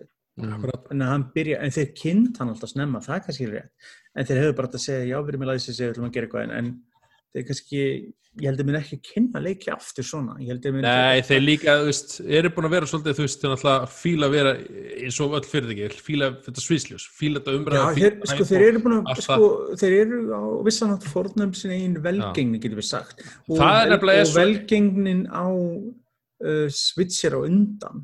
Ég meina, Já. Witcher lonsaði pínu röf en, en engan vinni, þessum kaliber. Engan vinni. En, en þeir eru líka voru bara að díla við eitt eða sérst þrenn plattform, Xbox, Playstation og PC, that's Akkurat. it og það hjálpaði eiginlega mikið til en þarna, þú veist ég bý bara til, ég bara var að býja til tímbilið, myndi bara tilkynna Switchport og ég bara, oh shit, hvernig verður það sko, þá, þá hefði ég bara viljað gera 8-bit port af þeim leik Já, PlayStation veist. 4 útgæðan er í Switch, ég glemdu mér hvað, neði, Já, vegna þess að sko uh, eins og segi, það Þetta var, eins og segi, ég hérna hef sko, mikið ég, held að, ég held að stærð leiksins hafi gríðald að segja einmitt hvernig umræðin er. Ef þetta hefur smærri titill eða þú veist, ekki eins stækt fyrirtæki þú veist þá hefði umræðin kannski, hún hefði aldrei verið óvæg, aldrei, Jésús þá hún hafði ekki skilur ekki verið það, en hún hefði kannski kannski ekki náð þessum stærðagráði eins og er núna Nei, ég meina með þessu endurgjörsli muni þegar, sorry Batman Arkham City eða Arkham leikarinn kom út síðasti á konsolin og PC PC-utgáfum var bara brotið rösl Það hefur nefnilega verið oftur í leikurinn, PC-útgáfan já, leikur á vegna þess að þar, þar nefnilega, til snúið sér við það Já. er búið sannast að aðal áherslan á Cyberpunk var PC-utgáfan og Já. ofta náttúrulega með þeim leik var aðal áherslan konsolutgáfan og ekki PC-utgáfan og það var svo slemt með PC-utgáfan að hún var, hvað gerist, hún var tekin úr sölu á Steam. Nákvæmlega saman að gerast með Cyberpunk núna á Playstation og Fyrir utan að þú þart konsól söluna til að að leikur að borgi sig já, já, Og hérna, svo, svo lí- líka fyrirtæki bara einhvern veginn búin að því, þú veist, þau voru með svo rosalega flott reputation einhvern veginn út af Witcher, Já, já. hvernig þau höndluðu allt tengt honum að þau voru bara sko plattinum sko og og mér Já, finnst held að þessu ég með þessu múfi núna hjá þeim mér Mm. finnst það bara pff, sorry, það er bara, þetta er pínusunni svo horfir á er búin að oft hérna einhvern leikari sem á fílar og svo allt í henni heyrir einhverja ljóta fréttir hann og þú horfir ekki, allt, þú horfir ekki lengur alveg s- Mm. eins á leikaran sko. já, en ég held ekki að þetta sko þar fólk var búin að setja það upp á svo rosalega háan stall það var alltaf spurning að myndi falla hann bara spurning hver harkalega Já, Ég- það er auðvitað þeirra feill að halda hæpinu. þeir, eru ekki að, koma með, hvað maður að segja, eru réttar upplýsingar fram. nei, þeir, þeir, þeir eru engan við ljúa. saklausir nei, nei, þeir eru engan við saklausir þeir gerðu Já. svo margt ránd þarna sem þeir eru aldrei átt að gera og ef þeir hefur hreinskilanir í, í aðdrandama þessu þá hefur þetta verið miklu betra þeir sérstaklega finnst að það var element af fyrirtækin sem vissi það að konsultum voru engan við tilbúin til útgáfu En maður, öfundaði það samt ekki, ég menna það hefur komið örgulega pressa frá eigendum og spílurum að að það komi út og, og, nú Já, það er- jólamarkaðurinn Já, það er nefnilega málið, sko. Samt þrátt fyrir það er þetta vitamáli, þetta er leikur sem hefur getið komið hvata ásins og selst vel. Já, En ég held að bara pressan og eftirvendingin og þeir senkaðum og senkaðum og senkaðum og þeir gáðu dagsningu fyrir hann ósnemma og voru sér alltaf þeirra senkanum sem það var ljóst að þessi leikurverkin á að koma út í réttum tíma. Eða þeir beðið með hann að gefa út útgáðdag og reynda að skipra sér betur og mér það var ábyrjandi að hugst lest viðtöl að, að semst, það er þetta missamræma milli toppana í fyrirtækinu og starfsmannna hún að planinu getur sagt hvernig staðan var. Topparnir voru að segja alltaf frábært og voru byllandi einhver alls frá kæftæði við blaðamenn og með fólki sem við erum leiknum að segja nei, guðum bara, þetta er enga tilbúið skilur. Ég fatt ekki mitt þessa ákvörðun um sko að því það var bara sko loka munninum, það var bara einhvern veginn herðu, hleypum dýrun út og tjekkum, kannski, kannski Já. tekur enginn eftir þessu Nei, eða bara, eða bara þe- þetta er bara því miður þetta er held ég versta sýnir svona mentality sem búin að enginn að leika bara síðustu tíu árin pluss er þetta dæmi, við lögum þetta bara þegar það kemur út day one Já, pats já. eða day two pats þetta er, þú veist, þetta er vísvitt nema, nema að ymmið í þessu tilfelli þá segir, heyrðu, uh, næstu bara mánuðina munum við gefa patch einu eða nokkur mánu, en það kemur alveg major patch næstu veist, einn í januar, einn í Já, það februar að koma á, á rúmur sem einn á morgun uh, ég veit ekki hvað það er greiði starfsfólki maður sem búið að ég, krönsa hérna rosalega, Já. ég finn til með þeim sko, ég er bara að það var- núna og þeir bara herðu, það sorry geðum uh, COVID og sem þetta og þú veist, ef það var útbrunni fyrir hvernig það verður eftir á? Og við það tala um að það komið stórpassið í janúar, stórpassið í februar það verða næstu mánu sem verða bara að slípa leikin til fyrir, Akkurat. en ég held að bara sínum vandam þú getur bara gert ákveð þú verður þá að gera harðari cuts á leikin á base vilum grunnvilum, það reynlega hefur bara að segja ég, ég nefnilega held grunn, grunn PlayStation 4 og grunn Xbox One leikurinn virkar bara ekki þar, bara einfallega bara segja þú verður að spila hann á PlayStation 4 Pro eða þú veist einhverju svoleiðis hefði bara þurft að minnst ég klippa þær út Já, það er þess spurning að- það geti tekið þetta samt tilbaka, það sé mitt eitthvað bara sem að þeir eru búin að skrifa undir sem að er bara, herru, hann þarf að koma út á Playstation. Já, en síðan er annað, já, síðan líka annað. Það er, síðan finnst mér líka að þurfa að vera í þessu ábyrð bæði Microsoft og Sony vegna þess að þeir eru bæði með Certification Progress sem Mm. all fyrirtæki þurfa að fara í gegnum. Þeir vita í hvernig standi leikurinn er en þeir, lofa, þeir leifa hún samt að koma út. Já, er einmitt Þeir geta já. neita Já.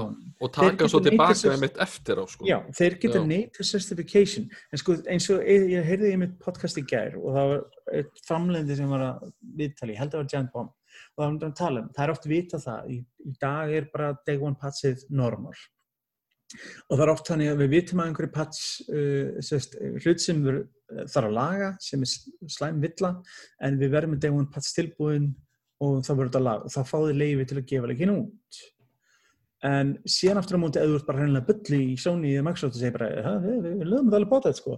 Þú veist, við náum að laga þetta versus ekki, þú veist, það þykkur ykkur miklu tíma og þá er skyndilega ertu konið það stöðu búið að pressa diska sem er allir glitchy eða þannlega séð ég meina, gangi, ég vorkinni hverju sem er sem er inn að spila töluleik í dag almennt á þess að hafa nettingu en þú veist Sko, Þetta er allavega algjör búið, að- algjörlega að eðilegja mitt jólafrís, drengir. Ég var alveg búin að ákveða að fara í þetta og svo eftir að ég heyrði þetta með, sem sagt, ég er nefnilega mikill uh, talsmaður gegn því að príordera tölvuleiki. Ég vil fre- frekar að hérna, fólk uh, býði bara með buttuna, sko. já, En, er en, en svo heyrði maður með PlayStation 4 og þá segir maður, ok, ég er með hérna Daniel, eh, af hverju er 1060 græn- ske- nei, 1070 skjákort, ég ætla að láta það duga, en svo finnst mér hann bara, sko, græn allar tíma, fyrir gefur ekki, þú voru græn örugglega bara meir, meir hálftíman, ég bara held að það er eitthvað þú alltaf eitthvað já, er líka mér, sko. Þú er bara, Uh, Ég er bara að vanur og sért skrítin en að Uh, þetta er bara sveit, þetta er að græn, já, já. En fyrir gefur ekki, þú veist að segja hvað.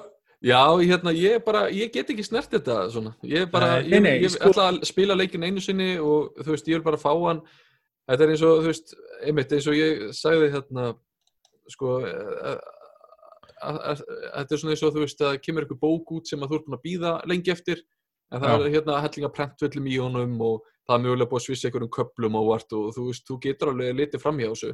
Eða viltu býða eftir annar útgáð sem að kemur hérna eftir Sko segi, við, hefum- eða- við hefum allir spilað buggy leiki en síðan er þetta spurning hvenar er þetta buggy og hvenar er þetta óasættanlega að gefa út í þessu formi sem það er. Já. og það er þetta að segja mörguleiti að ok, Daniel, ég veit ekki allt bara. Bara Nei, ég róa var sig. að að að Já, ég veit en að hann, þarf að gefa sér sjálf Daniel er Matrix. Ok, er ég græn? Ég veit ekki. Græn aðeins, nei.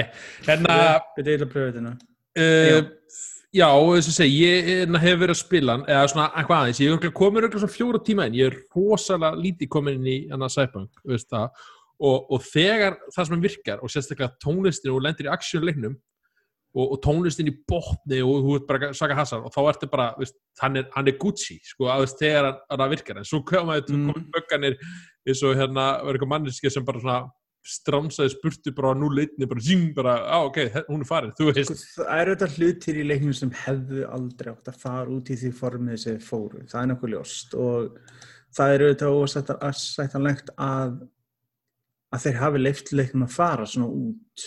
Já, í staðin fyrir, ég meina það hefur gerst áður að þú veist, það hefur gengið brjóðsölegi framlýnslu og leik og þeir hafa bara cancel einhver útgáður bara sagt þeir eru, ok, leikunni ekki lengur komið vegna þess að þeir eru bara reiks á svo mikið vandamál að þeir hafa ekki lengur geta eða talið það þjóna. En síðan kemur eins og ég segi inn í þetta dæmi þessi peningar hlið og allt Já, já. það og Já, spyr sig við erum ekkert inn í sko. Mm, nei, einmitt. Og þarna maður spyr sig hver sem sagt þarna, stjórnar þessu vegna þess að að uh, ég held einmitt, einmitt svona mest þess að segja, ég er mikill anna, anna, anna mikill talsmann, eða var mikill talsmann CD Projekt Red, þetta er bara Witcher er bara eitt besti leikur sem spila bara sko, ever. ég hef ennþá trúa mig ég hef þetta búin að já, já, þetta er bara þetta búin að sko algjörlega, þeir munu lagan, ég Sko, trú því og þeir, við fattur ég- Já, En ég ég- er búin að fylgjast með þeim síðan ekki á við fyrsta vitsileikin út. Ég er búin aðeins lengur að, ég, sko allir þessi leikir er að saman þeir koma allir út buggy, en þetta er þetta í episkum mæli hverja klálega. Já. Þetta er, mm. og það klálega voru peningar þarna sem stjórnuðu ferðinni og einhverju toppar sem klálega Já, maður stjórnuðu trúir ekki öðru sko En ég ætla að býja til 5 útgáfun Ég nenni ekki Já, og ég myndi alveg, sko, eins og segi, sko, ég er heppin, getur við sagt að því til, að ég hef verið að spila á Series X og ég hef komið mjög vel út úr því, Mhm. vegna þess að hún næri að yfirvinna mikið af þessu issues. En það En er það- samt í, í, Það er það fullt af technical issues auðvitað, það Í er þeim, þeim útgáfum er samt til það ekki eins og bara veist, þetta er Last Gen spilað á Nei, það, þetta er þess að ég var að tala um áðan. Þetta, þetta er þess að ég var að tala mest um mismunin að PlayStation þarf spes útgáfu, PlayStation 5 útgáfu, menn Xbox þarf þess ekki. Já, já, ok Þetta maður sé að Já. segja við. Já, Hún já. hefur aðgangi að aðgang að meira hardurnu það er, Já, en það eru svona hlutir eins og- þeir þurfa væntanlega- ekki að gefa út specific Series X. Þeir? Ertu eins og til dæmis þeir þurfa bara sem- pats hannu. Ei- Þeir, Eitt af umræðinu sem hefur verið til dæmis talað um er að til að hérna, leikurinn rönni svona þokkarlega á, á eldriði tölunum að þá Mm. þurfum þú veist að fjarlægja x marga bíla og personur úr borginni sem gerir hennar svolítið líflausari en Yep. hún var auglist. Er Yep. þetta ekki, er þetta, er þetta að segja sig sko, að það sé ekki búið að hlut- bíla sko, og Sumir hlutir eru eins á meðan aðri hlutir eru ekki. Málið er hún hefur access að kraftmeri CPU og GPU svona örgjöfu skjákost og hún getur nýtt sér það. já, það er væntilega ekki, ég meina þetta væri alveg sikkur útgáfan þá. Veist, Nei, uh, sko, nei, hún, sko, hún, þeir geta patsað inn alla þessa raytracing og alla þessa ekstra fítusa sem eitthvað að koma, þeir geta patsað það bara inn bara með patsið eins og þau vera að patsa einhverja bug á expressinu. Út, með- út af smart delivery mun alltaf láta að fá það útgáfi sem hendar hardurinn svo á. Á meðan PlayStation verður að vera annarkvæmt PlayStation 4 útgáfi eða PlayStation 5 útgáfi. sveit að vera að gera grína af uh, litarfariðinu. Ég er að vera bakkur yfir þessu, ég er að pínu pyrraður á akkur Það er pínur svo græni litur þessu actually bara geta þig. Það er bara og að segja, það Ég veit ekki, það var, að var að blikka á þann og ég held að þú er að Ég- að gríns, farin að halda Björk en að að þau- þessu. gert þú ert green screen. Já, er green screen. Ertu með eitthvað green screen móta á, á, á, á, á, hérna, uh, hvað heitir vinnu minn, Zoom? Nei, ég byrju Ok, ég vil fara er Allavega, uh, já, uh, Sko, ég, ég hlakka til, eða, veist, ég ætla að spila Cyberpunk á PC og, og veist, það var alltaf upprúlega að gera það því ég er svona meiri fyrst, fyrir fyrstu personu skotleika á PC. Uh, ég sé, mér langaði ekki til með að spila hann líka á PlayStation 5 en, en ég er svo bjarki, ég myndi alveg þurfa að býða eftir útgöf þá til að ég veist, þá langar mér kannski að spila þessu kvenkins og, og, og taka aðra leiðir en ég vanur að gera, þú veist, bara svona, já. Vel, velja öðru sér tippastærð. Er Já, það ekki þing í leiknum, actually? Uh, það eru þrjárstæðir. Já, Svolítið hvað er það, small, medium og largo? Já, ég vilja sko slætirinn, sko. Eru það sentimetra sem fylgja með eða má bara veit ákveða sjálfur hvað er stort? eða? Með við brandarann í kringum sem sagt alltaf þessi kynfæradæmi þá er aðtýrst að sjá hvað lítið er umverulega valkostir í bóði En hvað kemur ef þú viljur konur? Er það brjóst eða hvað? Bara vagina. Er það í? Byrju, Já. ætla Og hvað bara medium, small og big? að testa þetta neitt Og hvað hefur þetta einhver áhrif, vitið þið það? Eða er þetta bara svona... Það er áhrif kannski í glitsunum hvort að kynfæriðin sjáist ekki, ég finnst að glitsin er búin að vera einn í fötin að þau dúkki Já. upp úr í hérna Ég veist það ágæslega fyrir. Nei, heyrðu, hann er komin hér. Þarna komstu. ég Þarna að slakka og kveikja á þessu þetta klassiska test uh, turning it on and off again Vel gert. Virkaði. ok, þá Það er ekki búin að prófa það. Nei, en þú ert heldur búin að vera grænda mér að vera. Já, varst Það er það kannski svo grænni, grænni og það grænni? kannski vegna þess að enginn sagði mér þetta Sást þú það ekki sem grænan eða? ég var ekkert að horfa á Twitch Það var streamið ekki að horfa á Twitch. ég sé, þetta, held eð- að- ég sé þetta eðlilega í súpinu Mér fannst þess að þú varst eitthvað að svikta þar og svo bara, það, það breyttist á. Ég bara, uh, ok. sem bara sagði enginn minn neitt og Nei, nei. Svo allt í henni Nei, fór allir að posta hérna einhverjum grænum Minecraft-köllum og eitthvað. En hérna, eins og segi, Cyberpunk, uh, hann er, eins og segi, ég er ekki komin það er langt í rosalega leikin. erfitt að mæla með honum eh, sko, ég myndi ekki, sko, þú átt basic PlayStation 4 vil sem kom út bara day one Bara konsol, bara- já. Já, eh, ekki, ekki, ekki, öll konsol En þú ætti kannski að halda í hann upp á hérna sapkildi því að hver, kannski kemur hann ekkert aftur. mm, Já, ég veit það ekki. Ég veit ekki.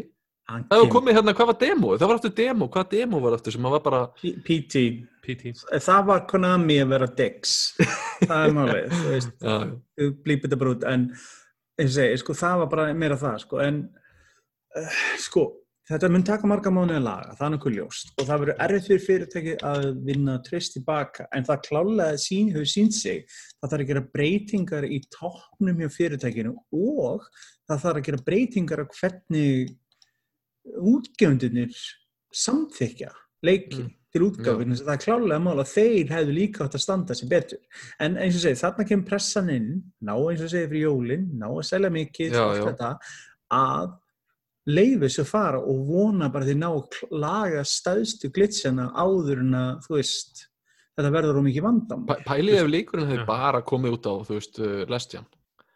Þá væri þetta bara hérna í tí á styrum, sagan sko. og Já. eins og segi, útgáfan væri Ég hugsaði að þið voru að fresta þegar hljóta hafa fresta útgöðin alltaf að þið sáu bara hann er ekki að kera plissið fyrir hvernig hann var hérna fyrir hálfu árið þá. Já, þá það þeir er eru bara, bara- eru bara F-it, við bara verðum ná sem fyrir jól, gerum þetta, kerum þetta í gang. Þetta er örugglega bara 5 frames a second þetta.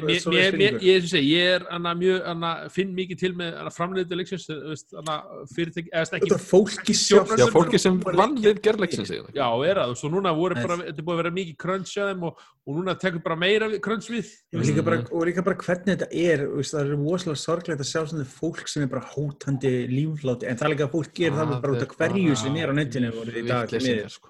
Það er bara, þú veist, það er, það er klálega fólk sem okkar mikið að sem gerir svoleiðis. En, En en, hvernig er Daniel, hvern, hvern, á, hvað- hvernig hérna, s- eh, hvort ertu með í PC?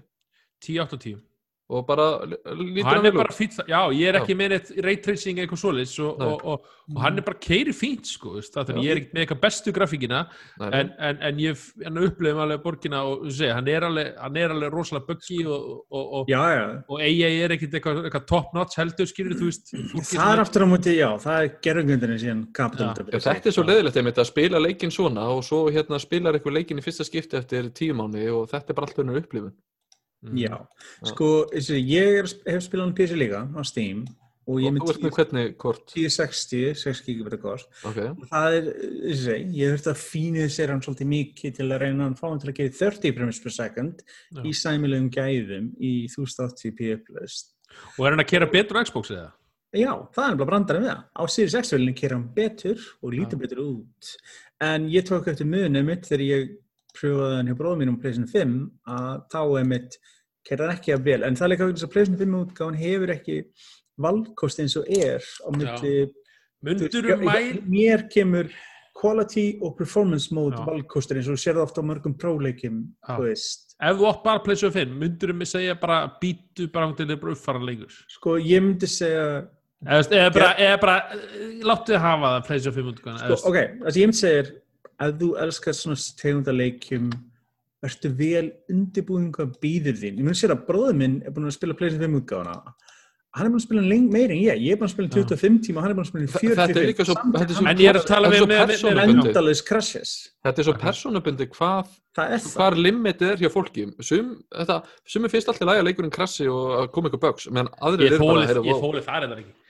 ég, Æ, ég, sko, hey, ég spilaði Fable 3 einu sinni á Xbox 360 Já. spilaði hann í 24 tíma lendi í game breaking bug sem gerði verkum ég gati ekki að halda áfram. Ég þurfti að restarta leiknum og byrja aftur sem ég gerði og, já, ég- mörgum, margir hefur bara, sagt- margir hefur bara sagt nei takk, ég er góður, takk, nekka nei, ég sneri bara við, byrjaði leikin aftur fucking klára hann og sagði bara ég er Svo skýt bara því, já, svo búin að klára bara, ég hafði betur í lokin. Varstu þá reyður á spilan hérna? ég, ég, var, alveg- ég var mjög reyður þegar ég kom að þessum kapla aftur. Ég geymdi hann þangað til örgli blá endan eins og ég var svo pyrraður en sko, ein leksja frá mínum eh, bara PC bara eh, dögum manns eh, ennþá hefur alltaf kent mér eitt með roleplayki alla. Ertu með nóga anskutum með einhverjum saves alltaf seifa. Sko ég líka, ég fekk næst í tögu til að vera bróður minn og ég sá tvo save fæla. Ég bara, ertu að grínast í mér? Þú erum að spila 40 tíma og þú ert með tvo save fæla. Ég bara, langar að lappa um að slá hann sko. Ég með einhverja 30, ég meina ég, þú veist, þú ert að sjá Fallout til mér og Skyrim það er vanlega bara, þú veist, ég lendi alltaf í mörkunum þegar leikunum segir, getur ekki búið til fleiri save fæla?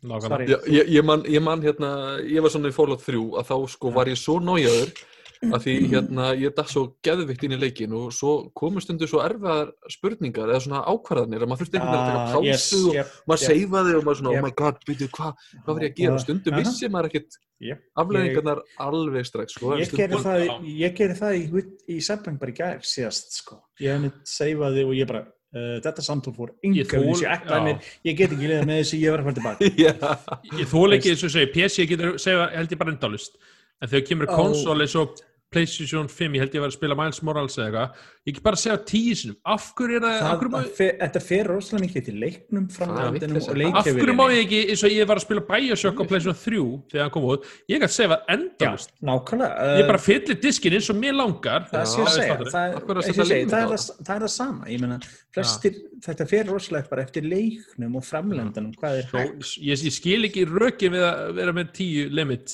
Já, eða fara tilbaka og fundi leiksegum með þrjú saves. Ugh. Heyrðu, hérna, uh, við eigum klárlega eftir að tala meira um upp- Sko, við verðum ennþá að tala um Cyberpunk næsta suma líklega vegna þess að þetta verður Já, þetta verður process hver einast, og- þetta er búið að vera hver einast leiki Sko, eins og ég segi, leiki um eins og ég segi, eins og ég myndi segja ef þú uh, með pleysin 5 eða PC eða eitthvað fleira þá er spurning að hoppa í þetta. Já, ég segi, en, en, gerður, en gerður bara eitthvað rosalega grein fyrir hvernig staðan er núna og þetta verður stíbreytilegt fyrir aðra, kannski spurning að geima bara aðeins, hei, kíkja þess að Valhalla eða einhver aðra leiki sem kom út sem voru einhvern veginn að spila og kíkja á þetta eftir nokkru vikur aftur og sjá ég, er með PlayStation 5 og ég ætla ekki að snerta strax sko, eða, veist, eins og segi, ég meina samt að eins og segi, á ég, þeirri leikitölu. Ég er með að PC og þú ert með góða PC-tölu, bara go for it, sko. Hann er bara Ég- að glimra þetta góða dóma þar. og Sandran Glitches hell er það, er það búin en- að fá glimrandi góða dóma? Já, sko, níu held ég síðast vissi. sko, málið Nú, það, er það? uh, Ég er ekki, ég er ekki að tala um user review, það er það, það er ekki að marka það maður, það er user reviews er bara fórabættu döðans en sko málið er samt hann er komin í 8,7 en, Ok, það er gott, allavega, já, en ég segi sko, sko Gott en ekki svona groundbreaking. eins og eins og við segjum að Metacritic var eitthvað fórabættur við vitum líka það að aðgangur af reviews er oft bundin rosalega um hver mikið útgjandan líkar við þig og hver líklegur þú ert ekki til að gefa hann góð einhvern og þess vegna neyta er oft, það er mjög algengt að þeim er neytað sem eru mjög harðir við þá bæði þetta á við software og hardware sé bara hvernig Nvidia er búin að díla við suma gaggrindur á netinu núna þeir eru búin að blacklista á vegna þess að þeir eru svo stífir á þá og gaggrina þá á meðan aðrir fá ekkert mál eins og þeir bara syngi bíbi afturhendur að þeim og ekkert sé Nákvæmlega. Hefur alltaf verið svoleiðis, þetta hefur alltaf verið menn, on, þetta er eins og IGN voru þekktir fyrir ekki tíðin að vera með svona semi-keiftar gaggrinni sem voru óvunilega góðar þrátt fyrir allt sem var að. Akkurat. þess að maður alltaf að taka öllum menn, þú, áttur undir að gera, þú taka öllum gaggrinni ég bara okkar, öllum gaggrinni með fyrirvara og, og, já, og, og, og ekki eins og skoða gaggrinni staðnins eða einhvern ímyndaði bara hvað hún er og þá er þetta nóg Nei, Akkurat, það er það. en sko, sko Já, Þetta er auðvitað bara skoðun okkur og okkar mat. Þetta er þetta bara Algjörlega. hver eins og einasta, gaggrinni þetta. Er alltaf- er persónuleg skoðun til uppstegum til alls og það er máli og engin skoðun er eins það er vanlega þegar þú fyrir ekst á alla sem eru sammála þá byrjar að vera Já, það er skrítið. Það- Já, það er samt það- su- stundum sem að... já, já, en, en þú veist allir, allir nákvæmlega einn það- allir það er líka dæmis bara flott, flott með Cyberpunki að þeir sem eru að spila sko, leikinn og eru bara fílan og eru Sko, að lendi og sem eru að tröfla, sko, það er bara awesome sko. En ég veit að ég- ég, Mm. ég get ekki sko, byrjað þetta. Sko, ég get hendla baka, ég hef um- upplifað ótrúlega gegn tíðina, bara á öllum mínum töluleikja tímabili. Þannig að sko, en á móti kemur, ég er ekkert að elska þetta, ég er ekkert rosalega hrifin því ég sé þetta, ég meina, hver elskar að spila töluleik þó að sé ekki sæbang en einhverjum öðrum og dettur ekki um heiminn og bara, fudge. Já, mitt- Þú veist, allt í einu varst einhverju missioni, sem glitchar missioni og þú þetta gett allt svona aftur og hver er ekki, kannast þið að þurfa að upplifa 5-6 tíma af töluleik aftur eins og leikum glitchaði. En Ég þetta er þetta í miklu meiri skala. Ég, ef ég var ekki með að spila hann Series X, þá var ég alltaf í þessi stöð. Þá myndi ég þeirra neða, þá var ég bara PC útgáfan eina leiðin fyrir mig að spila hann í núandi stöð. Þess að ég myndi ekki leggja að spila hann á eldri velan, undir neðin gungstæðan. Herri, ég hef ekki komast til að segja að Sveitur var græn aftur, en hérna, það sem ég ætla að segja, na, na, na, sæp, ég held að sé að opna eitthvað, þú veist, ég á sér, eitthvað, eitthvað Já, ég er ekki að hoppa á Það Ég er að hoppa á milli glugga, ég skal veðja Já, þetta er eitthvað það sem já, á- það, já, það- það er eitthvað að hafa áhrif á því sem ég er að sækja á því, frá því. Já, það er máli, ég En eins og við eigum eftir að Það- tala helling og söfnpökk, ég hlakka til að spila meira og bara gefa meira betri mat á hannum. Ég er þekktur fyrir að opna svona 60 biljón glugga alltaf í einu og hoppa á milli þeirra og það er, fólk var alltaf tauga okkur sko króm hjá mér, skilur ekkert í akkur er svona mikið af gluggum í einu. Já, ég, fekk, ég var einmitt, eh, setti hérna skjáarpun upp í einhvern tíma í mér, það var einhver nefndi sem rétti upp hönduna og ég sagði, já, Bjarki, kanntu að loka taps í brásinnuðinu með Jáp, það bara brrrr. já, þannig að eins og ég segi, þú veist það er, já, já, hvað er það?